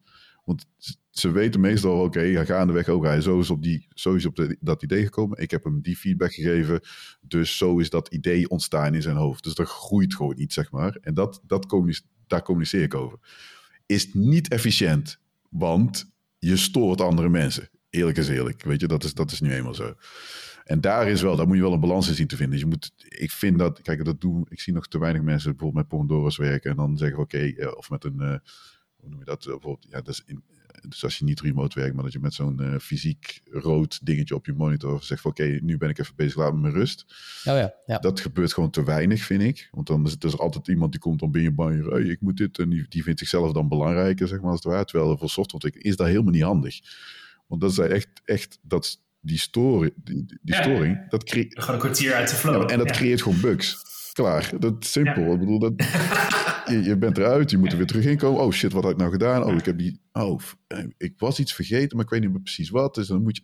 Ja, en je hebt weer een bug te pakken zonder dat je dat bewust echt eh, gedaan heeft. Dus dat is echt helemaal niet handig om op die manier dat te doen. Dus ik vind dat heel moeilijk, zeg maar. Want het communiceren is heel belangrijk. En, maar het- Maar het is Ja. het, het is een, het is een sociaal belangrijk component. En het kan ook weer leiden tot allerlei creativiteit en ideeën. Een beetje ideetjes bouncen op elkaar. Dus het is heel belangrijk om dat wel te doen. En bij ons is het dus ook heel normaal dat het gebeurt. Alleen bij ons zit er altijd een camera nog eerst tussen. Dus je, wat je bij ons veel ziet is dat eh, eh, iemand in het team zegt: Hé, hey, ik heb een idee. Eh, wie heeft er zin om er even over te sparren? Of heel gericht van: Hey Pietje, heb, je zin om, heb jij tijd om er over te sparren? Ja, is goed, ik pak even koffie. En dan. En dan zetten ze gewoon een videocall met hun tweede op. En dan sparren ze even. En dan zetten ze daarna de conclusie op Slack. En dat heeft gewoon een sociaal component en een, en een functioneel component. En we doen ook eh, random sociale. Dus we hebben, eh, hoe heet het nou ook weer? eh, Donut. De, de, de Slack Donut of zo. Dat is nou, zo'n plugin voor Slack. En dan koppelt hij gewoon random mensen aan elkaar voor een koffie van Oh ja, ja, ja, ja heb ik ook Ehm, wel eens gezien, ja. Ja, en dat gaat bij ons echt als een trein. Dat hebben we gewoon één keer aangezet en iedereen is heel blij mee. Nou mensen die, dus ik heb als, als manager, vies woord, heb ik eh, sowieso al eh, met iedereen structureel one-on-ones. Dus ik gebruik het niet zoveel, maar iedereen, juist die verbanden die elkaar anders niet zien, voor hun is het superleuk. En wij stimuleren ook heel erg dat je dat wandelend doet. Dus iedereen sowieso achter je bureau zitten is niet goed. Zorg sowieso dat je een staanbureau hebt. Maar nog beter is zoveel mogelijk van je meetings, als je er dan toch een hebt, wandelend te doen. Activeer een ander deel van je hersenen. Het is, creatiever, het is gezonder. Ehm, en het heeft een meer informal setting. Dus er zijn heel veel mensen bij mij uh, in mijn wijk weten ze inmiddels die ben, ik altijd een beetje buiten loop te dolen met mijn koptelefoon op, zeg maar. Ja, ja. ja. cool. Hey, goeie, goeie hoor. Ja, uh, hartstikke bedankt ook voor het delen hiervan. Want uh, ja. ja. toch wel een paar tips ook inmiddels. ik was gewoon lekker aan het schrijven zo net. Maar ik heb hè, voor, ook voor aan het einde van de show heb ik een paar dingen die ik aan je wilde vragen. hè, van ja, we hebben het even over rust gehad. Uh, we hebben ook bijvoorbeeld die Slack Donut mm -hmm. plugin. Die heb ik ook maar even opgeschreven. Dat is ook een hele goede tip. Dus, uh, nou, oké. Okay. Ja, bedankt dat je zoveel wilde delen hè, over, over jouw CTO-schap. En, Graag gedaan. Uh, en ik denk ook de inspiratie die je gegeven hebt. tenminste, in mij in ieder geval. Van, hey, er zijn toch bedrijven die...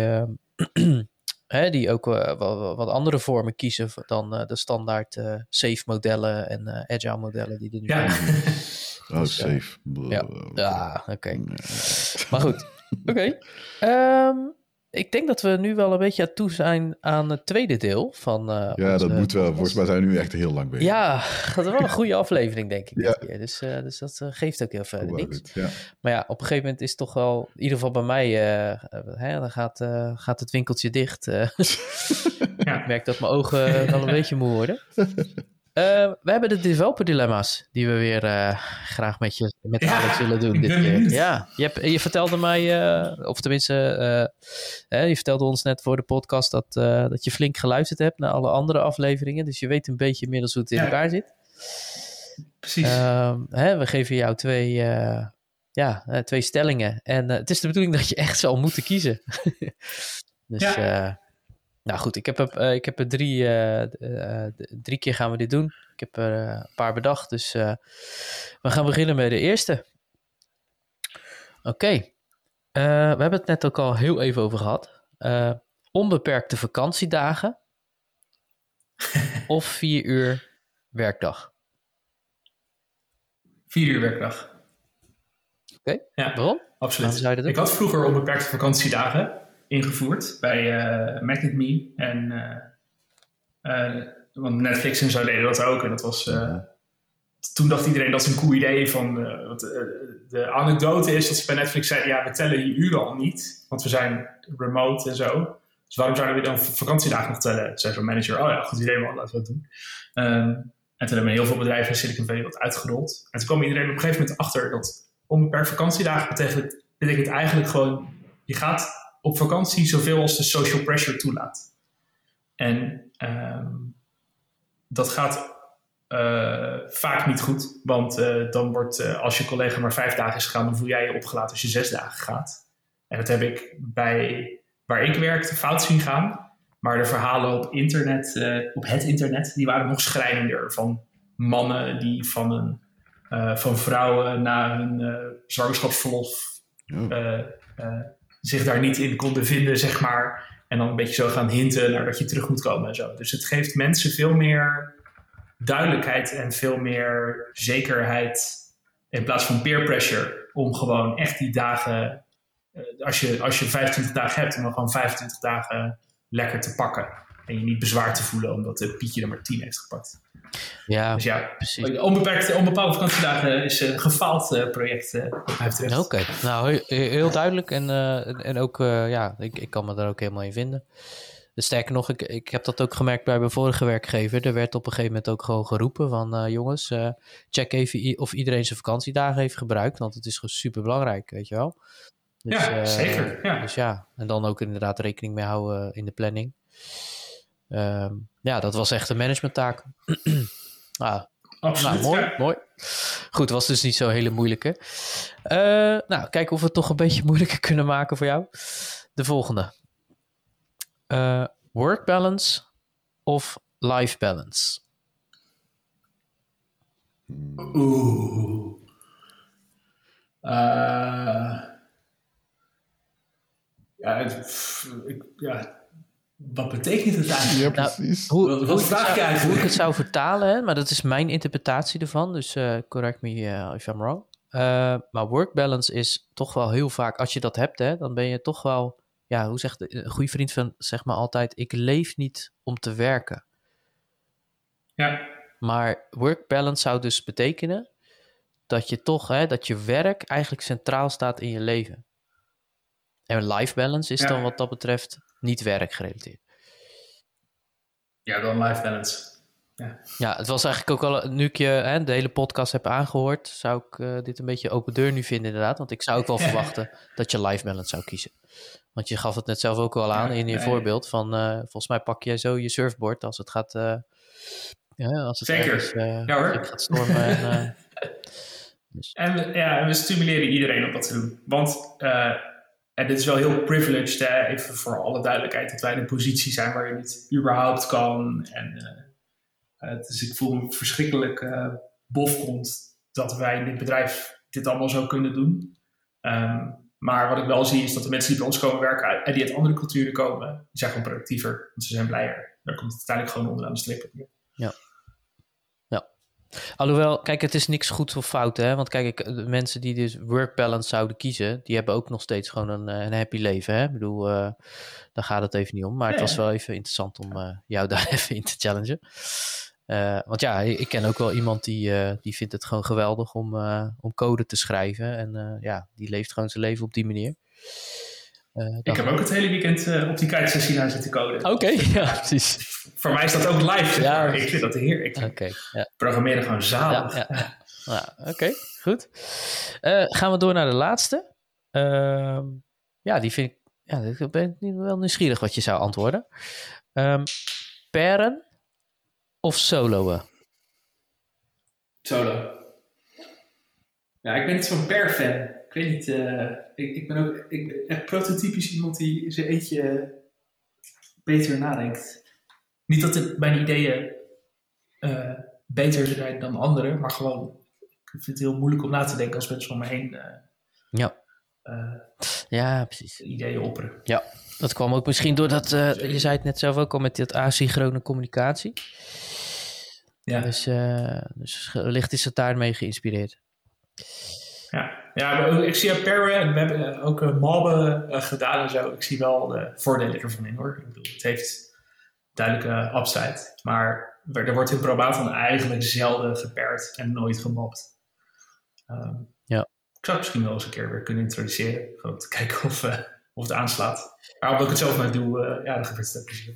Ja, ja, ik heb ooit een keer een, uh, een workshop gevolgd over uh, mob-programming uh, van Woody Zuil. Dus, ja, je zou... Is dat die gozer met dat blauwe haar? Nee, nee, nee, nee. Het is een, een oude man, een redelijk oude vent. volgens, mij al, volgens mij is hij al gepensioneerd, denk ik. En ehm, hij, hij vertelde mij dat hij dit, ja, hij was ook een keer CTO in zijn, in zijn ehm, carrière en hij heeft dit dus bij zijn bedrijf echt fulltime. Uh, hè, dat was gewoon zijn ja, eis, is het ook weer een beetje overdreven. Maar iedereen geloofde daar heel erg in, in, uh, in dat bedrijf. Mm -hmm. En daar heeft hij dus nu ja, verschillende workshops ook al ingegeven. En waar het om gaat is ja, dat je dus met elkaar aan één hetzelfde probleem werkt. Hè? En dat hoeft niet altijd samen te zijn, maar dat je wel met elkaar begrijpt dat je aan hetzelfde doel werkt. Dat is volgens mij de stelling. Maar hij gaf wel aan, en dat merkte ik zelf ook wel, het is wel heel vermoeiend. Ja, dat is ook mijn ervaring. Ja, dus je moet echt constant rekening houden met, uh, ja, hè, dus uh, dat de ene misschien inderdaad gewoon wat minder snel is dan de ander. Uh, maar goed, daar had hij altijd een hele simpele truc in, van jongens, stoppen, even stoppen, even naar buiten, weet je wel. En dan de energie weer pakken. Ja. Maar, uh, ja, het is voor mij ook, ik had heel erg dat ik, je hebt een mentaal, je leest een klas, een faal ja, dan heb je een mental model. En als er dan iemand in gaat poken, dan kun je niet nadenken, want dan zit je te kijken wat die ander doet. Terwijl je eigenlijk zelf moet nadenken over. Ik kan gewoon niet, kan gewoon niet te veel tegelijk hebben, nee. denk ik. Ja, dat is ook een beetje de manier waarop je dat je informatie zou willen hebben. en jij, uh, Saber, wat, wat zou jij kiezen, per of solo? Uh, ik, ik weet dat per kwalitatief beter software kan opleveren. Ik ben alleen niet heel goed in uh, ik ben, als iemand bij mij meekijkt, zeg maar, en ik een type ben, dat werkt gewoon echt slecht. Nee. Serieus, dan, dan, dan ik, alles gaat slechter, zeg maar. Dus qua programmeren. Als ik naast iemand zit die zit te programmeren, dan ben ik waarschijnlijk misschien ook heel irritant. Maar dan, ja, dan heb je wel wat meer overzicht, zeg maar. Het lijkt net of je dan een bird's eye view hebt. Weet niet hoe je dat moet beschrijven. Dus je hebt Ja. meer afstand, zeg maar, van Mhm. het eh, programmeren. Ja. Je hebt er wat, ja, ik weet niet. Dan denk je over andere dingen na. Dus dat vind ik dan weer wel werken. Dus ik vind het wel handig om af en toe gewoon samen achter een, een desktop te zitten. En dan even, ja, als, misschien niet letterlijk programmeren altijd, maar wel even samen iets uitdenken. Dat je eh, ja, elkaar helpt, zeg maar. Of ja, niet, hoe zeg je dat? De, de gedachtegangen wat meer synchroniseert. Dus dat je ja, in, Ja. in, in flow raakt of zo. Dat, dat helpt in mijn ogen bij pairen. Maar eh, ja, ik kan niet zeggen dat, ja, solo, als ik zou moeten kiezen, zou ik voor solo kiezen. Maar ik vind, er zit heel veel waarde in pairen. Dus ja. Ja, het is een beetje afhankelijk van de situatie, merk ik Ja. ook wel. Als het echt gaat over kennis, inderdaad, hè, eh, kennisdeling en borgen Ja. en dat soort dingen, dan is het misschien wel handig inderdaad. Ja. Eh, maar in, ik kan ook wel weer voorstellen wat Alex zegt, eh, van dat je even in je eentje even wil knallen met, met, met, met een lastig probleem of zo, Ja. weet je wel. Ehm, en dan word je te veel gestoord door eh, de andere gedachtenflows van, van, van teamleden. Wat op zich niet erg is, hè. Het kan ook een positieve impuls geven, maar het is net wat Alex net zegt. Van op een gegeven moment kom je toch op het moment dat je denkt, ja, nu kan ik het even niet hebben. Weet je Ja, wel? Ik wil nu even mijn eigen gedachten op orde Ja, ja. krijgen voordat ik Ja. überhaupt een Ja. ander- andermans gedachten kan begrijpen. En dat is wel eh, ja, Dus dat, ja. is lastig. Ja, nou oké. Nou, wat vond je ervan, eh, Alex, met de dile- developer dilemma's? Ja, goed te doen. Ja, goed te ja. doen, hè? Ja, dacht ik al, ja. Ja, ja. ja ze, We deden ze vroeger bij Magnet Meet met de lunch altijd. Maar dat waren dan van die echt onzinnige. Ja, Oké. ik, heb, ik heb dat wel. Heel je leven natte sokken. Of altijd overal TL ligt. Oh shit. eh TL ligt. Maar goed, dat is makkelijk. Ja, Voor mij dan. Maar dat soort dingen hebben we. We hebben in het begin hebben we wel wat van dat soort vergelijkingen gedaan. Want ja, ik, ik, mijn, mijn geest is wat eh, zieker of zo. Of eh, creatiever, laten we laten we het zo maar zeggen. Ja. Dus ik, ik heb wel eens wat tegenstellingen. Ongeremd. Ja, die dan, eh, maar goed. Ja. Nou, grappig. Cool. Nou, hartstikke leuk. Ehm, nou goed, eh, dan gaan we door naar het volgende rubriekje. Dat is eh, onze laatste rubriek. Dat zijn de tips en tricks en van alles nog wat eh mix bag. Ehm, nou goed, wat ik net ook al zo net zei in het andere gedeelte. Ehm, ik heb even mee zitten luisteren naar Alex en iedereen natuurlijk. En ik heb wat tips die jij sowieso hè, tijdens het praten heb ik even opgeschreven. Dus Alex, ja, ik lees ze gewoon even voor en vul maar gewoon even aan. Hè? Dus ehm, ja, Mhm. nou, je gaf aan hè, eh, in je verhaal dat je. eh, ja, wat mij heel erg opvalt aan, aan, aan jouw CTO-schap is. eh, het leiderschap staat best wel centraal.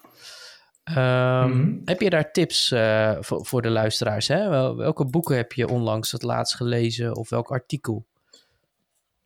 Ehm, het, er, zijn, er is een boek wat ik, of je nou een leider wil worden of niet, maar als je eh per ongeluk eh, tech lead wordt eh, en alles wat daarna volgt, dus tech lead, daarna misschien engineering manager, daarna misschien whatever, Ja. tot, tot CTO. Dan is er één boek waarvan ik wens dat iemand me het gewoon drie jaar geleden door de brievenbus had gedaan. En dat is het boek The Manager's Path. Mhm. Dat is echt het allerbeste boek wat er is eh, voor engineering management. Het geeft namelijk gewoon super concrete tips. Van eh, je, je kan met dit soort mensen te maken hebben, je hebt al dit soort situaties. eh, en je komt erachter dat je loonschalen nodig hebt in een start-up. Want ja, je hebt niet gewoon een van de corporate HR-afdeling die jou gewoon allerlei hele lekkere templates geeft. Eh, weet je wel? Dus er zitten gewoon, je moet zoveel dingen uitvinden. En dat is het meest vermoeiende aan dat werk. Maar of dat nou is, ehm, als je gewoon tech lead wordt voor het eerst, dan zijn er allerlei nieuwe dingen. En voor elke stap zijn er allerlei nieuwe dingen. En dit boek is gewoon een handboek daarvoor. En het is echt eh, heel goed geschreven. Ik heb het echt met veel plezier gelezen en er heel veel aan gehad. Ja, Oké, mooi. Ehm, dat is de Manager's Path. Dan heb je, die is eigenlijk weer gebaseerd op High Output Management. Dat is wat klassieker boek. Dat is meer voor de wat doorgewinterde lezers die minder moeite hebben met boeken wegkouwen. Mhm. Ehm, en het gaat, dat is meer zeg maar over running a business ook. Dus hoe ben je gewoon een effective, hoe, hoe, hoe ben je een goede directeur? Ja. Oké. Wat zit er allemaal bij? En dat haalt ook het vieze woord manager weg. Oh ja, Ja. Je zit veel in meetings, omdat het een effectieve manier voor jou is om informatie te vergaren, bijvoorbeeld. Dus daar hoef je je niet slecht over te voelen. Terwijl veel programmeurs op, joh, als ik in een meeting heb gezeten, heb ik niet gewerkt. Weet je, dat idee. Even, even voor de notities, hè. Je, eh, je zei high output Mhm. management? High Output Management van eh, Andrew Grove van Intel. Heb ik ook Ehm. Ja. En dan is er nog eh, Principles van Ray Dalio. Ja. Eh, vind ik een heel mooi boek, omdat ik, net als veel andere mensen, Ray Dalio, heel erg naar dingen altijd kijk als een machine of als een systeem. Ik modelleer alles in mijn hoofd. En Ray Dalio is heel goed in het. die heeft eerst een business en daarna zijn hele bedrijf gemodelleerd en daar allemaal fantastische dingen mee gedaan. Dus dat vond ik een heel vet boek. Ja. Eh, Oké. ja, en eh, als je startups gaat doen en je denkt, oh, leuke start-up, dat is goed voor mijn Instagram en, eh, en voor mijn reputatie. En dan krijg ik meer liefde en waardering uit mijn familie en het wordt allemaal hartstikke gezellig. Nee, het wordt hartstikke kut. Het is echt loeihard werken, alles zit tegen, je hebt nooit geluk. Hm. Het is echt de terror, eh, maar heel rewarding. Eh, eh, als je niet bekend bent met, met dat concept, Ja. en je wil even een reality check, lees dan even The Hard Thing About Hard Things van ehm, ehm, die gozer van A16Z, hoe heet hij nou, eh, Andrew Snorowitz. Ah, Oké. Dat is zeg maar hoe startups echt zijn. Ja. Dus het is gewoon, je hebt start-up, je bent je start-up eh, bijvoorbeeld. want heel veel, bijna alle managementboeken gaat over de happy path. Zeg maar, oh, je moet nu mensen managen. Oh, ze zijn allemaal heel blij. Oh, je dit doen. Hard thing about hard things is, ja, alles gaat naar de ballen. En hoe ga je ermee om? Dus je bent je bedrijf begonnen met eh, je maat. En eh, nu eh, heb je 25 man. Het blijkt dat hij geen people manager is, maar hij is wel de CEO. Oh shit. Of hij is wel Ja, de CTO. Ja, Ja, ja, ja, ja. dan moet je hem ontslaan. Ja, dat is gewoon wat er moet gebeuren. En hoe ga je daarmee om? En hoe doe je dat? En wat doe je in dat soort... Maar Nou, dus het zit helemaal vol met dat soort Het is advies. van eh, Ben Horowitz, klopt dat? Ben Horowitz, dat is hem. Ja, sorry. Ja. Ah, mooi. Anderson Horowitz is de firm. Dit is van Ben, van een van de twee. Ah, super. Bedankt voor deze tips. Ehm, ik, je gaf ook aan eh, dat je geleerd... eh, je hebt jezelf rust aangeleerd. Eh, heb je daar misschien een, eh, een leuke link of iets dergelijks... eh, hoe, je, hè, hoe je het zou kunnen leren? Ehm, de, de Rust boek is gewoon het beste boek, gewoon online, dat ze zelf providen vanuit de community. Dus echt geen, eh, ik heb die andere boeken ook gezien.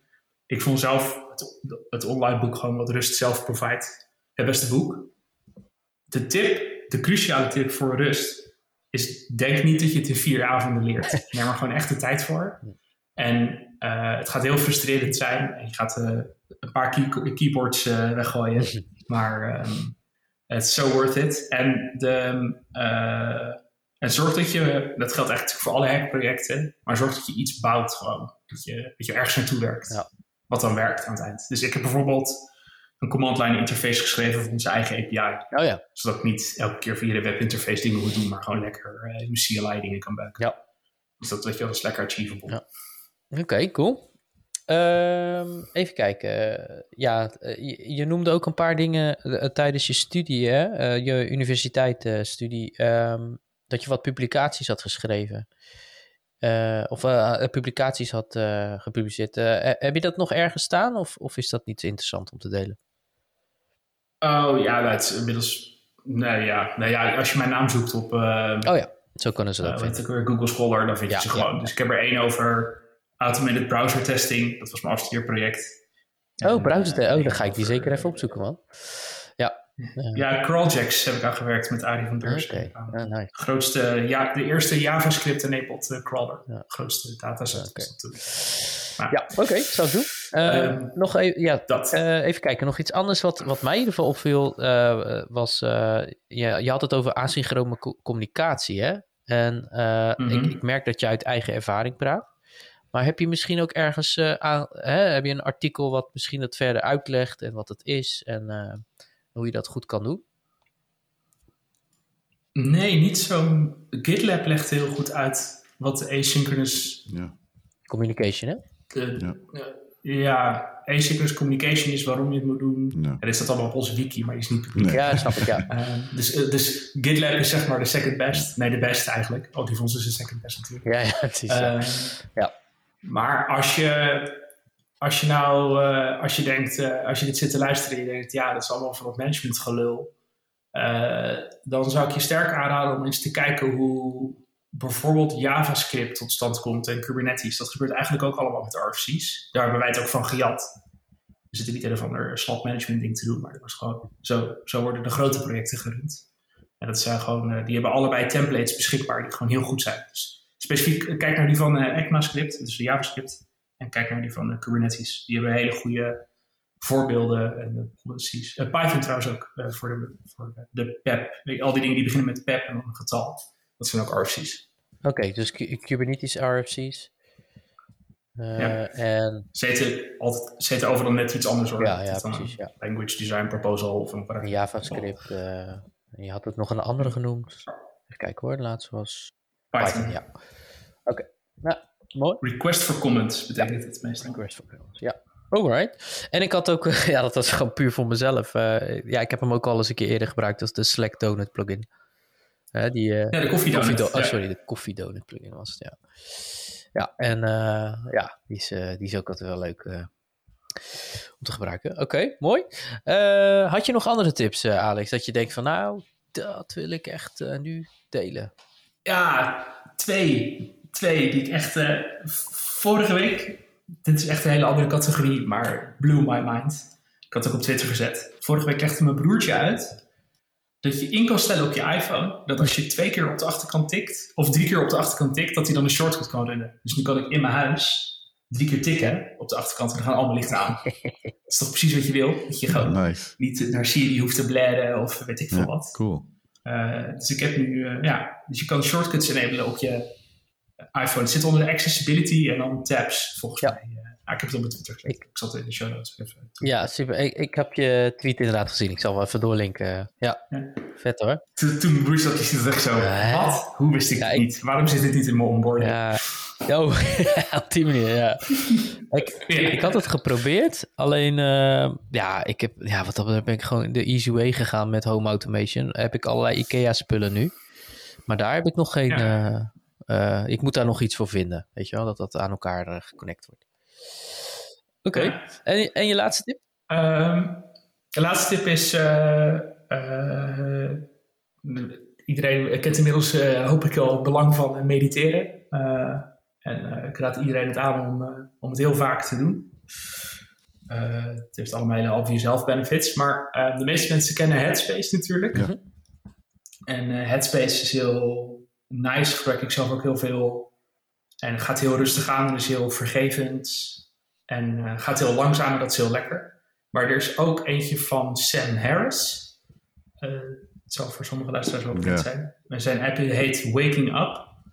Um, en dat is een soort hele technische approach op mediteren. En ik kan me voorstellen dat dat voor heel veel nerds klikt. Mm. Uh, hij, hij gaat gewoon rationeel door allerlei dingen heen, waardoor je veel sneller kunt uh, leren en gaan. Dus dat is een hele vette app als je al wel eens hebt gemediteerd of meditatie uit wil proberen, of het al een tijdje niet hebt gedaan. Dan zou ik zeggen, probeer de Waking Up app een keer. Dus, uh, Alright. Nou, echt een aanrader. Alright, hij staat genoteerd. Thanks, uh, Alex.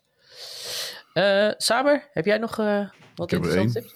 Eentje? Toevallig iets met rust erin. nee, het gaat ja. ik kwam het... Heb, ja, precies. Ik heb het nog niet geprobeerd. Maar het sprak me wel aan, want uh, hoe heet dat? Uh, is een open source remote desktop. Dat is open source remote desktop software. Dus een beetje zoals uh, TeamViewer, maar dan open source.